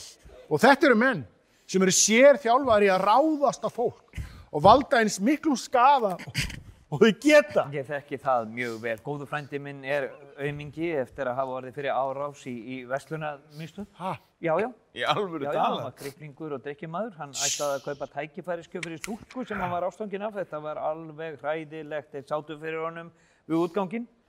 Algjörlega breyttu maður eftir þetta. Hann, hann tekkir ekki okkur frændsískinni. Svenni, Svenni áttu ekki eitt drikk fyrir okkur Paul Jenkins svo að við getum róað taugarnar. Já, hvað má bjóða ykkur? Er ekki vodka vel við hæfi? Bara út af dóttur okkar. Pálmi, þú farir að drekka með okkur. Já, Mér, la- mér langar að stinga upp á því að við skálum fyrir henni önju sem liggur núna á milli heims og helgi og spítala. Ja, hún, er, hún er reyndar í fangelsi. Se, sem, sem er í fangelsi og, og vonandi að henni batni í sínu veikindum og að réttlætti sigri. Skál! Hún lengi lifi! Húra, húra, húra, húra. Húra! Ó, ég vona bara að elsku telpa mín hafi náð að slá niður ekki nema einn öryggisverð. Já, hún er sko öruglega gert það, ásti mín. Hún er náttúrulega algjör rumur. Manstu þegar hún hendi eldavilni fram á gang. Já. Hún misti síkaretupakkan sinn bak við eldavilna og mín tók bara eldavilna og fleigði henni fram á gang til að fá sér síkaretu. Hún reykir of mikið. Eh, Það verður allt í lagi, ég, ég finna það á mér. Þetta, þetta er flott stelpa og hún á eftir að retta Já, sér. já, það er al alveg sko, þetta er bara virkilega flott stelpa. Það er bara vest að við getum ekki verið hjá hann í fangelsinu. Hún þarf kannski bara tíma til að vera ein og átta sig. Þið verður líka að hugsa um ykkur, þið, þið verður að hugsa um að kvílast og nærast. og- Já, já, það, það, er- það er alveg satt. Það er lítið hjálp í manni ef maður er úttaugaður. Já, einmitt, er þetta ekki bara svona eins og við flugvélunum, að við setjum fyrst grímuna á, á krakkana áður en að setjum þau á sig, eða, eða, já, eða hvernig var þetta nú aftur, eða, já, já, þegar þau eru sko yngri, er það Ég, ekki? ég veit það ekki, ég hef aldrei komið í flugvel. En mér finnst þægilegra að keira. Ég, og talandi um að, að keira, Svenni, hvað er að frétta af bílnum? Já, ég er bara býðið til að fá svör við auðlýsingunni. Heldur að það sé einhver sjans? Ég var stöðum það, en maður skildi aldrei gefa upp alla von. Ef við ekki að skála fyrir voninni? Nei, við skálum fyrir áfengi. Já, skál fyrir áfengi. Skál! Skál. Ég sé margar ljótar konur um æfina, en þú, Paul Jenkins, ert einhver svo ljótasta kona sem ég hef nokkuð tíma séð. Þú voruður ekki að tala svona um Paul Jenkins! Ég geri það sem ég sýnist, Nei, ég er Svenni! Herðu, nú gengur þú of langt, Svenni! Já, já, fyrirgefið, fyrirgefið mér. Þetta er vínið að taka stjórnina. Ég held ég sé alkoholisti. Ég ætla að fara í kalda sturtu og borða lúka af salti. Þetta kemur ekki verið rættur. Siggi Val hoppar inn með trommuslætti, Pálmi sér són sinn, það kemur ildi fát á hann. Pappi, pappi, ég fann nýtt land og veistu hvað það heitir? Nei, Ég ætla að skýra það Siggalía. já, það er mjög gott nafn, en hérna, ég aðeins að tala, tala við því. Nú líma la ma la la la lúti dí Já, di gaga gatala. Þú skilur þetta ekki, þetta er siggiska tungumál sem er talað í Já, Siggalíu. einmitt, en sérstu nú aðeins niður sig minn. hérna? Nýtúla, engúli, Já. bútúpi, dúli, búli, mala, mana. Veistu hvað þetta þýðir? Nei, Nei, veistu, veistu ekki að nei þýðir já á siggísku. nei, e, e, já. Viltu koma- Eh, já, í já. heimsókn til Siggalíu? Ekki strax ekki minni, það er aðeins að tala við því. Aluminini, dadole, arimani og sorro. Og krakki, hættu þessu töðri og gerðu þessu ég segi þér. En ég er Þú ert landkonnur. landkunnuður, ert bara krakki. Ert barn, Siggi, hættu þessum draumurum og þöðri. Þú er, er ekkert að vera uppgötva neinlega, þú ert bara blekja sjálfa þig. Ég er víst landkonnur og Siggalía er víst Nei, til. þetta er bara svæðið hérna í, í kring. Nei, ég, ok, fyrirgjöðu, fyrirgjöðu, ég, ég misti stjórna mér, ég, ég, ég er miklu tilfinningarlegu uppnámi og, og það er ekki ástæðulaus. í Siggalíu líður öllum vel og allir eru Ég var fyrir uh, vissu áfalli hérna áðan. Hérna. Nú, hvað kom fyrir? Það er kannski betra að þú setist niður, Siggi minn. Og mamma þín var hérna áðan að leita að þér. Mamma mín, Já, hún, hvar er hún? hún þurfti að fara, það var bíll að ná í hana. Hún getur ekki verið farin. Ég ætla að bjóða henni til Siggalíu og ég ætla að gera hana drottningu í Siggalíu og, gera fyrir hana kastala og þú getur verið líka með henni. Það er fallega hugsað, Siggi minn. Mamma, mamma, elsku mamma Mamma mín. þín er farin, Siggi minn. Ég sagði þér það, það kom bíll að ná í hana, hún er farin. Mamma, mamma, mamma, mamma. Mamma! Mamma! Viltu hætta þessu maskur, drengur? Ég hef búin að segja þér að mamma henni farin. Fór hún til Ég Siggalíu? veit það ekki. Þá er hún drottning, Já, pabbi. einmitt. Og við getum farið að heimsækja henni í prinsessukastalan. Já, við, við, við, við, við Það gerum verður veisla í þrjá daga. Hvaða lætir þetta? Þetta var ekki neitt, einhvern veginn bara að skrá móður sína. Æ, vesalingur litli. Hún er mjög glæsileg kona, hún mamma einn. Hún er líka prinsessa, Er hún prinsessa? eða drottning sko, í Siggalíu. Í Siggalíu? Já, það er land sem ég fann.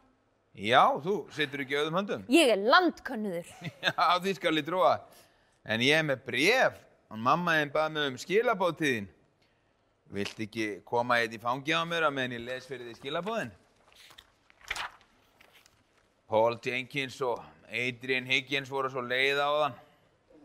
Það eru fjölskyldu vandræði heima hjá þeim og ég veit ekki hvort þú veist það en dóttir þeirra er mjög líklega alkoholisti og er bara í stanslausi neyslu Það er hræðilegt. Það er rétt, það er hræðilegt. Og svo gerði Svenni líka ljótan hlut. Ég drakk um mikið af víni og var dónalegu við Paul Jenkins og Adrian Higgins. Ha? Ég trúi því ekki. Jú, jú, ég var ógeðslegur. En þú drekkur ekki vín, Svenni. Aldrei framar, ég, ég, ég var að ljúa, ég, ég, ég fekk með vín, en, en ég ætla aldrei að gera það aftur. Hafðu ekki áhyggjur af því, Siggi minn. Eigum við kannski að leifa Adrians Higgins og, og Paul Jenkins að heyra brefið líka? Já, Herra Higgins, Er að koma?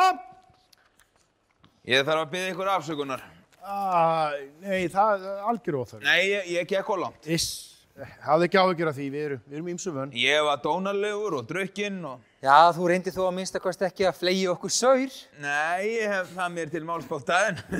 ég var samt dónalegur og ég vil sérstaklega byggja Paul Jenkins fyrirgefningar. Það er algjör óþarfi. Nei, það er nöðsulegt fyrir mig og, og mína edrumennsku. Ég, ég rætti þetta við minn æðri mátt og, og ég sagði að þú væri ljótasta kona sem ég hefði séð. Þetta var nú bara eitthvað fyllir í sröf. Nei, já það, skiptir allavega ekki máli. Ég er að gera þetta fyrir mig en ekki þig. Og, í mínu nafni þá, þá byrð ég þig um að slá mig utanundir. Siggi minn, farða nú úr gjöldunum minni og meðan að Paul Jenkins slæðir mig utanundir. Ég, ég er búinn að borða lúka salti og, og, og, og stinga köngli á milli raskinan á mér og ég ætla að vera með henni í tvo sólaringa og ég byrði nú að slá mig utanundir þannig að við getum skilið sátt. Þú ert bara með móral, Svenni. Þetta er bara drikkjumóral. Já, það, það verður ekki meira því ég er hættur að drekka. Og, þú, ert, þú ert falleg kona, Paul Jenkins. Nei, ég er ljót kona. Já, það, það er mikið til í því. Þú, þú ert með ljóta húð en, en, en þú hefur falleg augu. Já, og eru augun einmitt speil sálarinnar. Ég heyrði þínu poplægi. Hvernig var það nú aftur hérna? Ég dansaði nakin í speklasal sálar þinnar.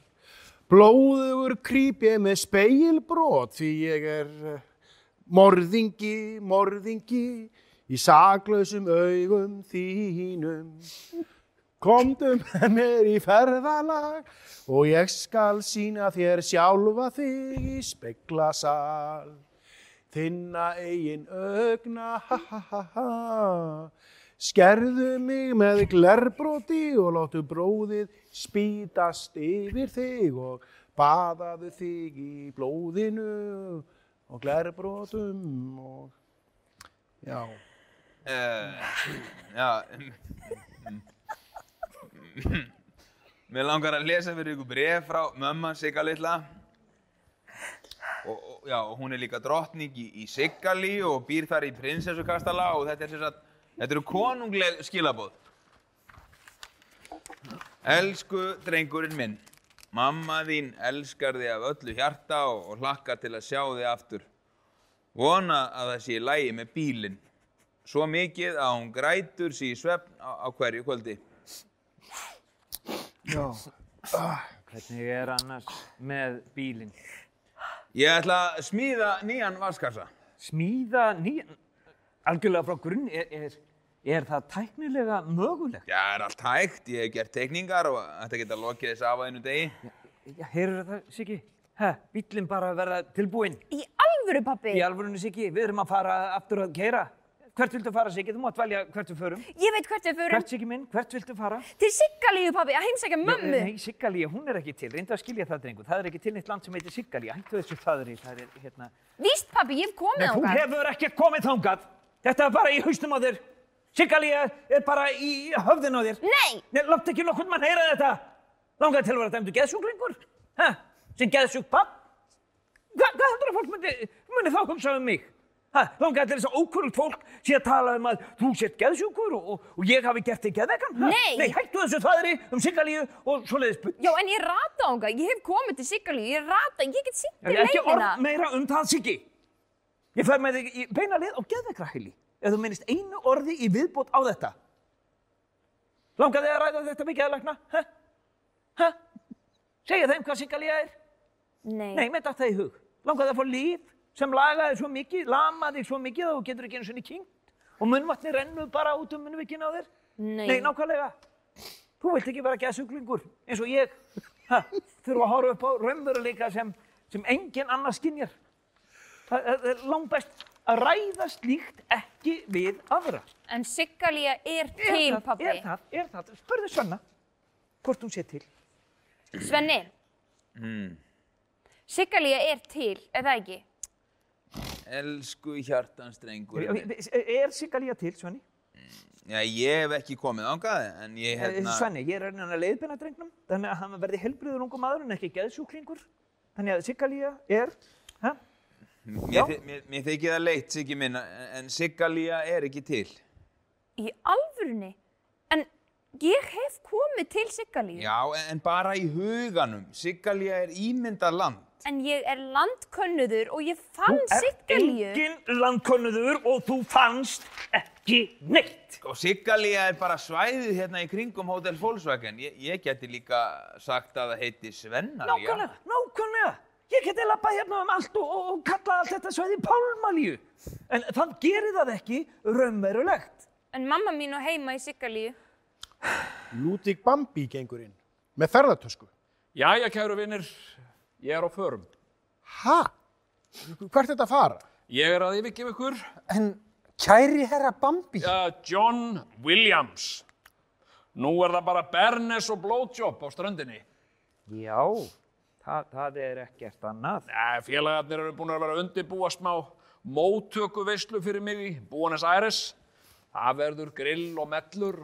Já, flott skal það vera. Já, ég er honin reglulega spenntur að fara. Bip, bip. Þetta er bílinn minn. Nó, Já, ég hringdi í leigubílsvenni, þakka þér kærlega fyrir mig og allt sem þú hefur gert fyrir mig og mér langar sérstaklega að þakka þér fyrir þína vináttu. Og fyrir mér ertu meira en bara einhver hótelstarfsmæður.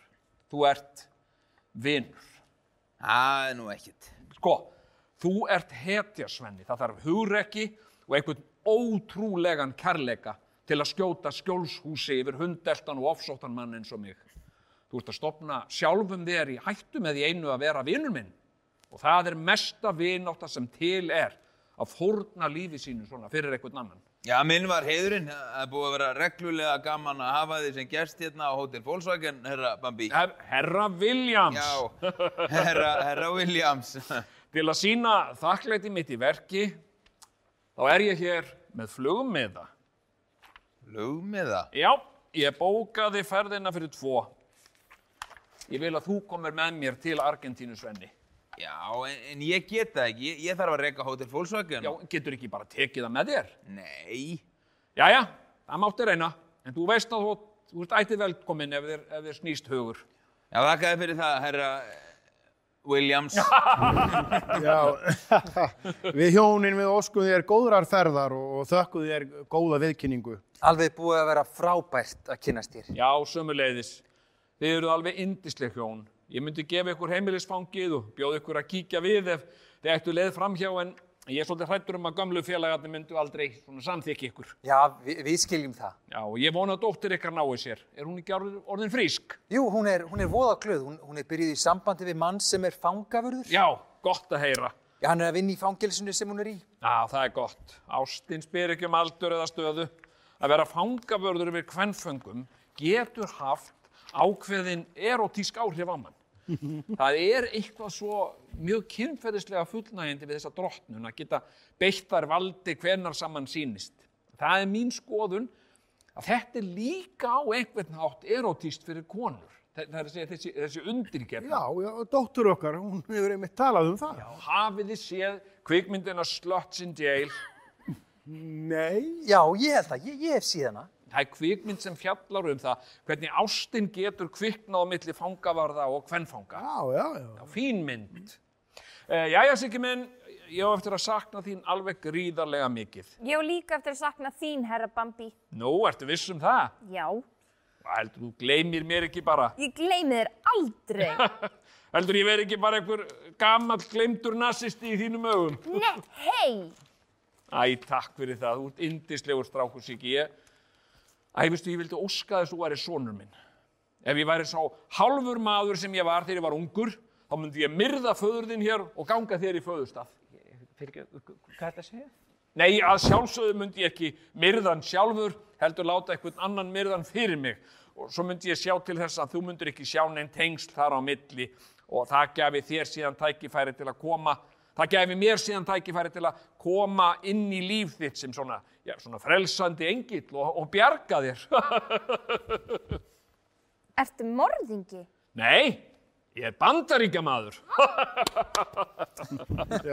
Já, já. Já, já, ég var, ég var morðingi í fyrra lífi en, en ég, hef, ég hef aldrei, ég hef aldrei myrt neitt á óþörfu. Hvað meinaru? Ég, sko, ég hef engöngu myrt fólk vegna þess að það var að reyna að flýja mig. Eða, eða var tilfinningalega að reyna að forðast mig. Tæknilega séð er þetta ekki morð því að flesti þeir sem ég hef myrt voru hvort sem er uh, dauðadæmdir af, af hungri eða einhverjum, einhverjum sjúkdómum. Hvenær dreipur maður mann og hvenær dreipur maður ekki mann? Þetta getur verið svo flókið. Nákvæmlega. Ég held til dæmis að ég hafi bjargað mörgum mannslífum með því að aflífa fólk sem var að dreifa sjúkdómum, smitbera. Og þá er þetta ekki raunverulega morð heldur frekar, frekar sko líknar. Mér, mér finnst þetta nú hljóma svona bara eins og morðingi sem er að reyna að finna einhverja réttlætingar. Ég, ég held að það veri mjög auðvelt að, að kalla þig morðingja. Já, já, já, já, það er, það er kannski alveg rétt. Sko, ég er morðingi en ég hef aldrei pintað neitt. Það hefur mér alltaf fundist ógeðfælt.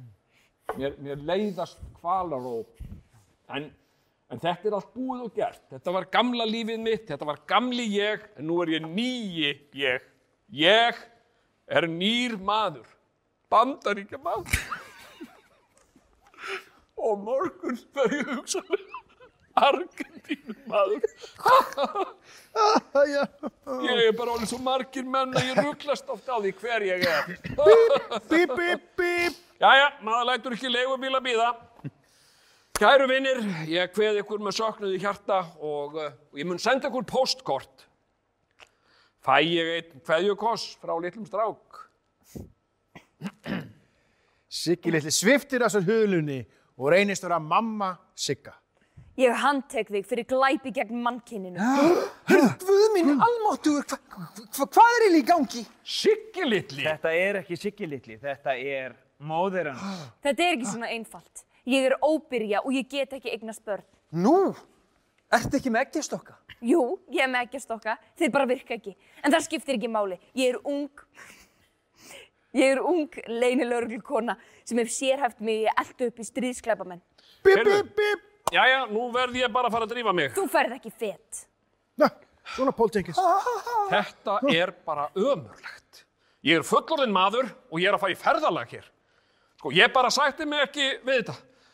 Ég er veill fyrir hjarta. Hörðu. Ó, ó, þetta er of mikið. Ó, Herra Bambi, er allt í leiði? Þetta er bara leikaraskapur. ó, já, já, já, já, já, þau ætla að drepa mig, Svenni. Það, það er enginn að fara að drepa þig, herra Bambi, a- að minnsta kosti ekki án dóms og laga. Og það verður ekki framið réttarmorð hér á Hotel Volkswagen. Það hlýtur að vera til ykkur sangjörn og siðmendu leið til þess að útkljá þetta. Já, við höldum réttarhöld hér á Hotel Volkswagen. Ah, heyrur það? En spennandi. Já, og við Pól Jenkins, við erum kviðdómur. Já, já, já, já, já. Þriði þáttur, allist hjálpast til að færa möblur og búa til lítinn réttals, réttarsal. Svenni verður dómari, mamma Sigga er saksóknari, Pálmi verður verjandi og Adrian Higgins og Paul Jenkins eru kviðdómendur. Herra Bambi er hinn ákerði. Svenni kemur sér fyrir í dómarastól. Bling, bling, bling, bling, bling. Eh, Réttur er settur, ég er dómari, mál nummer eitt. Fólkið gegn Ludvík Bambi. Pálmi, þú ert verjandi. Ég hef enga lögfræði mentun. Ég, Sko, ég hef ekkert gert af mér. Ég veit ekkert hver þessi Bambi er. Ég er bandaríkjamaður og ég er hér í viðskiptaferð. Ég er frá Ohio fylki. Ég bý í Argentínu og ég er meðlimur í golfklubbi í Buenos Aires. Nafn mitt er John Williams. Pálmi tekur hikandi við pappirunum. já, ég legg hér fram uh, sönnunagagn meðlimakort í golfklubbi Buenos Aires skráð á John nokkuð Williams. Já, sem er ég. Þetta eru allt legar. Ég fullirði að hinn ákærði hefur ekki einu sinni komið til Argentínu. Hvað þá spila þar golf, en það heitir hann ekki John Williams, heldur Ludvík Bambi og var SS-fóringi og yfirmaður í alrændum fangabúðum. Þetta eru fáránlegar ásakanir. Þetta er, þetta er árás á bandarískan ríkisborgara og árás á bandarískan ríkisborgara er árás á bandaríkin öll. Ætlar Siggi litli kannski að fara bara hér í stríð við bandaríkin? Dómari, ég mótmæli. Sónur minn kemur þessu máli ekkert við. Já, það, það er hárétt, mótmæli tekið til greina og ég byrð kviðdómundur að gleyma þessu. Gleima hverju? Hefur saksóknur eitthvað til málun að leggja áður en að dómur er kviðin upp? Já, ég kalla til vitni. Hvar er vitnið?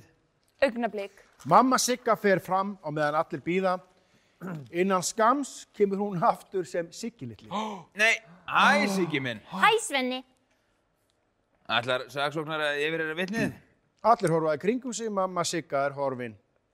Lögmaður, Allir horfaði þátt sem Siggi er kom. enginn með spurningar fyrir vitnið? Hérna, uh, uh, ætti, ég kannski að, að spyrja vitnið? Já, mér finnst það frábær hugmynd. Já, gjör svo vel. Jæja, uh, Siggi minn. Af hverju gerur mér þetta? Ég veit það ekki. Nei. Sagði mamma þín að þér að gera þetta? Mamma mín. Ég, ég, bara, Mamma mín er dáin. Hann er bara barn. Ég kann ekkert að tala við barn. Ég veit ekkert hvað ég á að spyrja hann.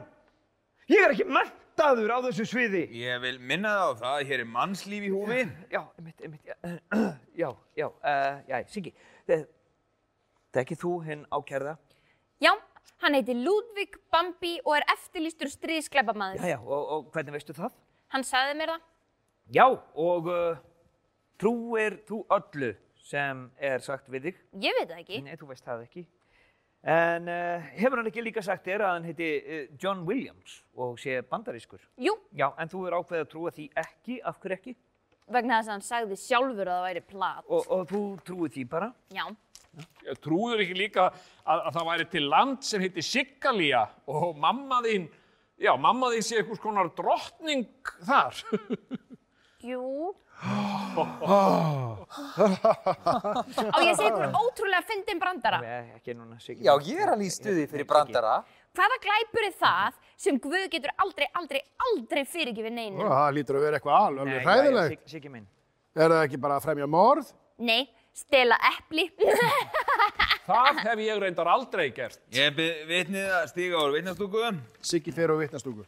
Við gerum hér stutt rétt að hljóða meðan að kviðdómur gerir upp hugsin. Já, sjá þú bara um þetta, Adrian, minn. Ég hef ekkert vit á þessu. Hefur kviðdómur komist að niðurstöðu? Uh, já, herra dómari, kviðdómur hefur úrskurðað að John Williams sé í rauninni Ludwig Bambi og sé þar með segur. Það er verið að fremja hér réttarmorð. Ég er saklaus. Þögn í réttasalunum. Við höfum hér líta á vitnisspurð og fengið að líta á sönnunagögn í þessu máli. Margt af því sem Ludvig Bambi gerði í sínu fyrra lífi var hræðilegt, algjörlega hræðilegt og ófyrirgefanlegt. Hann er vissulega sekur um alvarlega glæpi. Það er alveg örugt, en, en áðurinn í kveðut minn dóm vil ég gefa hennum ákjærða tækjafæri til að viðukenna sög sína og mun ég taka tilliti þess við eh, dómsuppkvæningu. Já. Já, uh, já, sko, ég hef engu við þetta að bæta og uh, ég mun tilkynna þetta til bandaríska sendiráðsins og ég... Já, gott og vel. Ég játa. Ég heiti Ludvig Bambi og uh, ég var meðlimur í SS, en ég var ekki hátsettur. Ég ber ákveðna tæknilega ábyrð á sorglegum örlögum ákveðins fólks.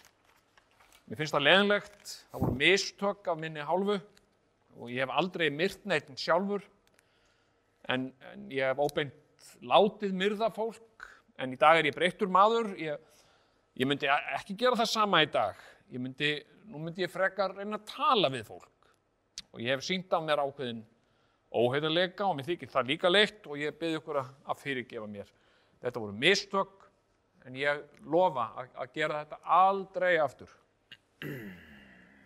Já, í ljósi hetjulegar játningar hins átkærða hefur dómari ákveðið að spyrja nokkrar viðbótar spurninga. Herra Bambi, Já. manst þú eftir litlum dreng sem gekk undir nafninu Sprelli? Já, ég mann vel eftir honum. Hvað var hann gamall? Það var erfitt að sjá, hann, ég get ímyndað mér að hann hafi verið eitthvað svona 8-12 ára, eitthvað svona sá því ekki. 8 til 12 ára, já.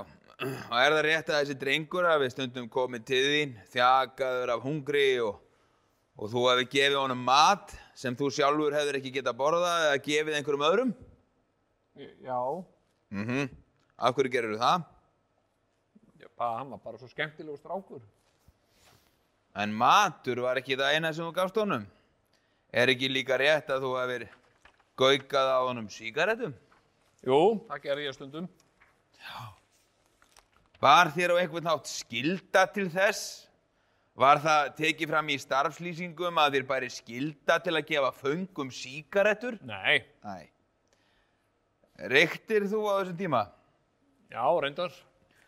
Þannig að þú hefðir geta reykt þessar sígarettur sjálfur. Já, já, ég býst því. Já, þannig að þetta var eingöngu af göfuglindi og miskunnsemi sem að þú var svona góð við sprella. Jó, Já, ég er ekki með fleiri spurningar. Er einhver annar með spurningar? Pálmi, hérna, já, meðan ég mann eitthvað að- frétta af bílnum. þessi bíll er ekki til umræðu hér. Jæja, þá má sagbortningur stíga úr vitnastúku. Ég vil byrja á því að segja að þetta er það erfiðasta mál sem ég hef þurft að glíma við á ferli mínu sem dómari. Maðurinn sem er ásakaður er um þessa glæpi er í huga okkar eins og skrýmsli. En þegar hann stendur hér fyrir framann okkur sjáum við að hann er alls ekkert skrýmsli, heldur gamall og vinalegu maður sem búið hefur við mikla félagslega einangrun um langan tíma. Og, uh, hann var glæpamaður, en hann er það ekki lengur. Hann er búinn að byggjast afsökunar og ég hef því ákveðið að kveða upp dóm sem er til sangjarnan og réttan. Herra Bambi hefur þjáðst nóg fyrir yfirsjónu sínar, brot hans eru fynd. Ludvík Bambi er saklaus. Wow, já, heyrið þið það? Ég er saklaus. Ég er saklaus. Ég hef öðlast nýtt líf. Ég hef rétt á því að vera saklaus. Rétti er hér með slitið. Oh, nú held ég að Paul Jenkins myndi öðruglega þykja eitt gráan svona til að róa taugarnar. Já, það er miklu skemmtilegra þegar allir eru gladir. Já, fríi drikkir í bóði húsins og límonaði fyrir sigaleitla. En, en nú ætla ég að láta verða því sem hefur lengi langað til að gera, að ringja í sinni mína og flytja þeim Já, fréttinnar. það líst mér vel á. Það er svo mikilvægt að vera í góðu sambandi við börnin, þó maður skilji þau ekki alltaf. Börn eru indisleg. Skál fyrir börnum sem taka syndir okkar og sásauka og bera inn í framtíðina. Já, börnin eru framtíðin. Pappi, Já, Siggi minn. myndur ekki vilja að mamma væri hérna með Jú, okkur? auðvitað myndi ég vilja það, Siggi minn. Hvar er hún? Ég veit það ekki. Heldur hún komi einhver tíman aftur til okkar? Ég veit það ekki. He- Heldur þú það? Ekki hún er dáin. Hún er ekki dáin. En af hverju vill hún aldrei vera með Hún okkur? vil alveg vera með okkur. Hún er bara rosalega mikið að vinna. Já, í Siggalíu. Já, ég he- held að það geti alveg verið rétt hjá þér. Hún er drottning í Siggalíu. Já, einmitt, það, það hljómar vel. Kannski getur þú farið að heimsækja hann í Siggalíu? Já, heldur það? Já, þú ert kóngur í Siggalíu. Já, þú, þú mein, heyriði, heyriði, ég, ég, ég er bara orðin kongur í Siggalíu. Já, til hann ekki með það, elsku vinnur. Skál fyrir Siggalíu. Skál, skál fyrir Siggalíu. Siggalíu. Skál. Erum við á leið til glötunar? Er hamingjan aðeins tortíming? Þókust við að játa afskipta leysi. Eða búum við kannski enn Á hótel Volkswagen. Er djúbstæður ótti sannfæring? Er himnaríki í helvíti? Erum við komin á endastöð? Eða býðum við kannski enn Á hótel Volkswagen. Er það hlutverk tímans að tortíma? Er eilíðin aðeins augnablik? hægt að ferðast liggjandi og sitjandi? Aleitnin í herbergi Á Hótel Volkswagen. Já, það er góð spurning. Er Guð að gera grínað mér? Eða er hann kannski ekki hér? Er samkendin sjálfsbjargað við leikni eða býður hún eftir þér? Á hótel Volkswagen.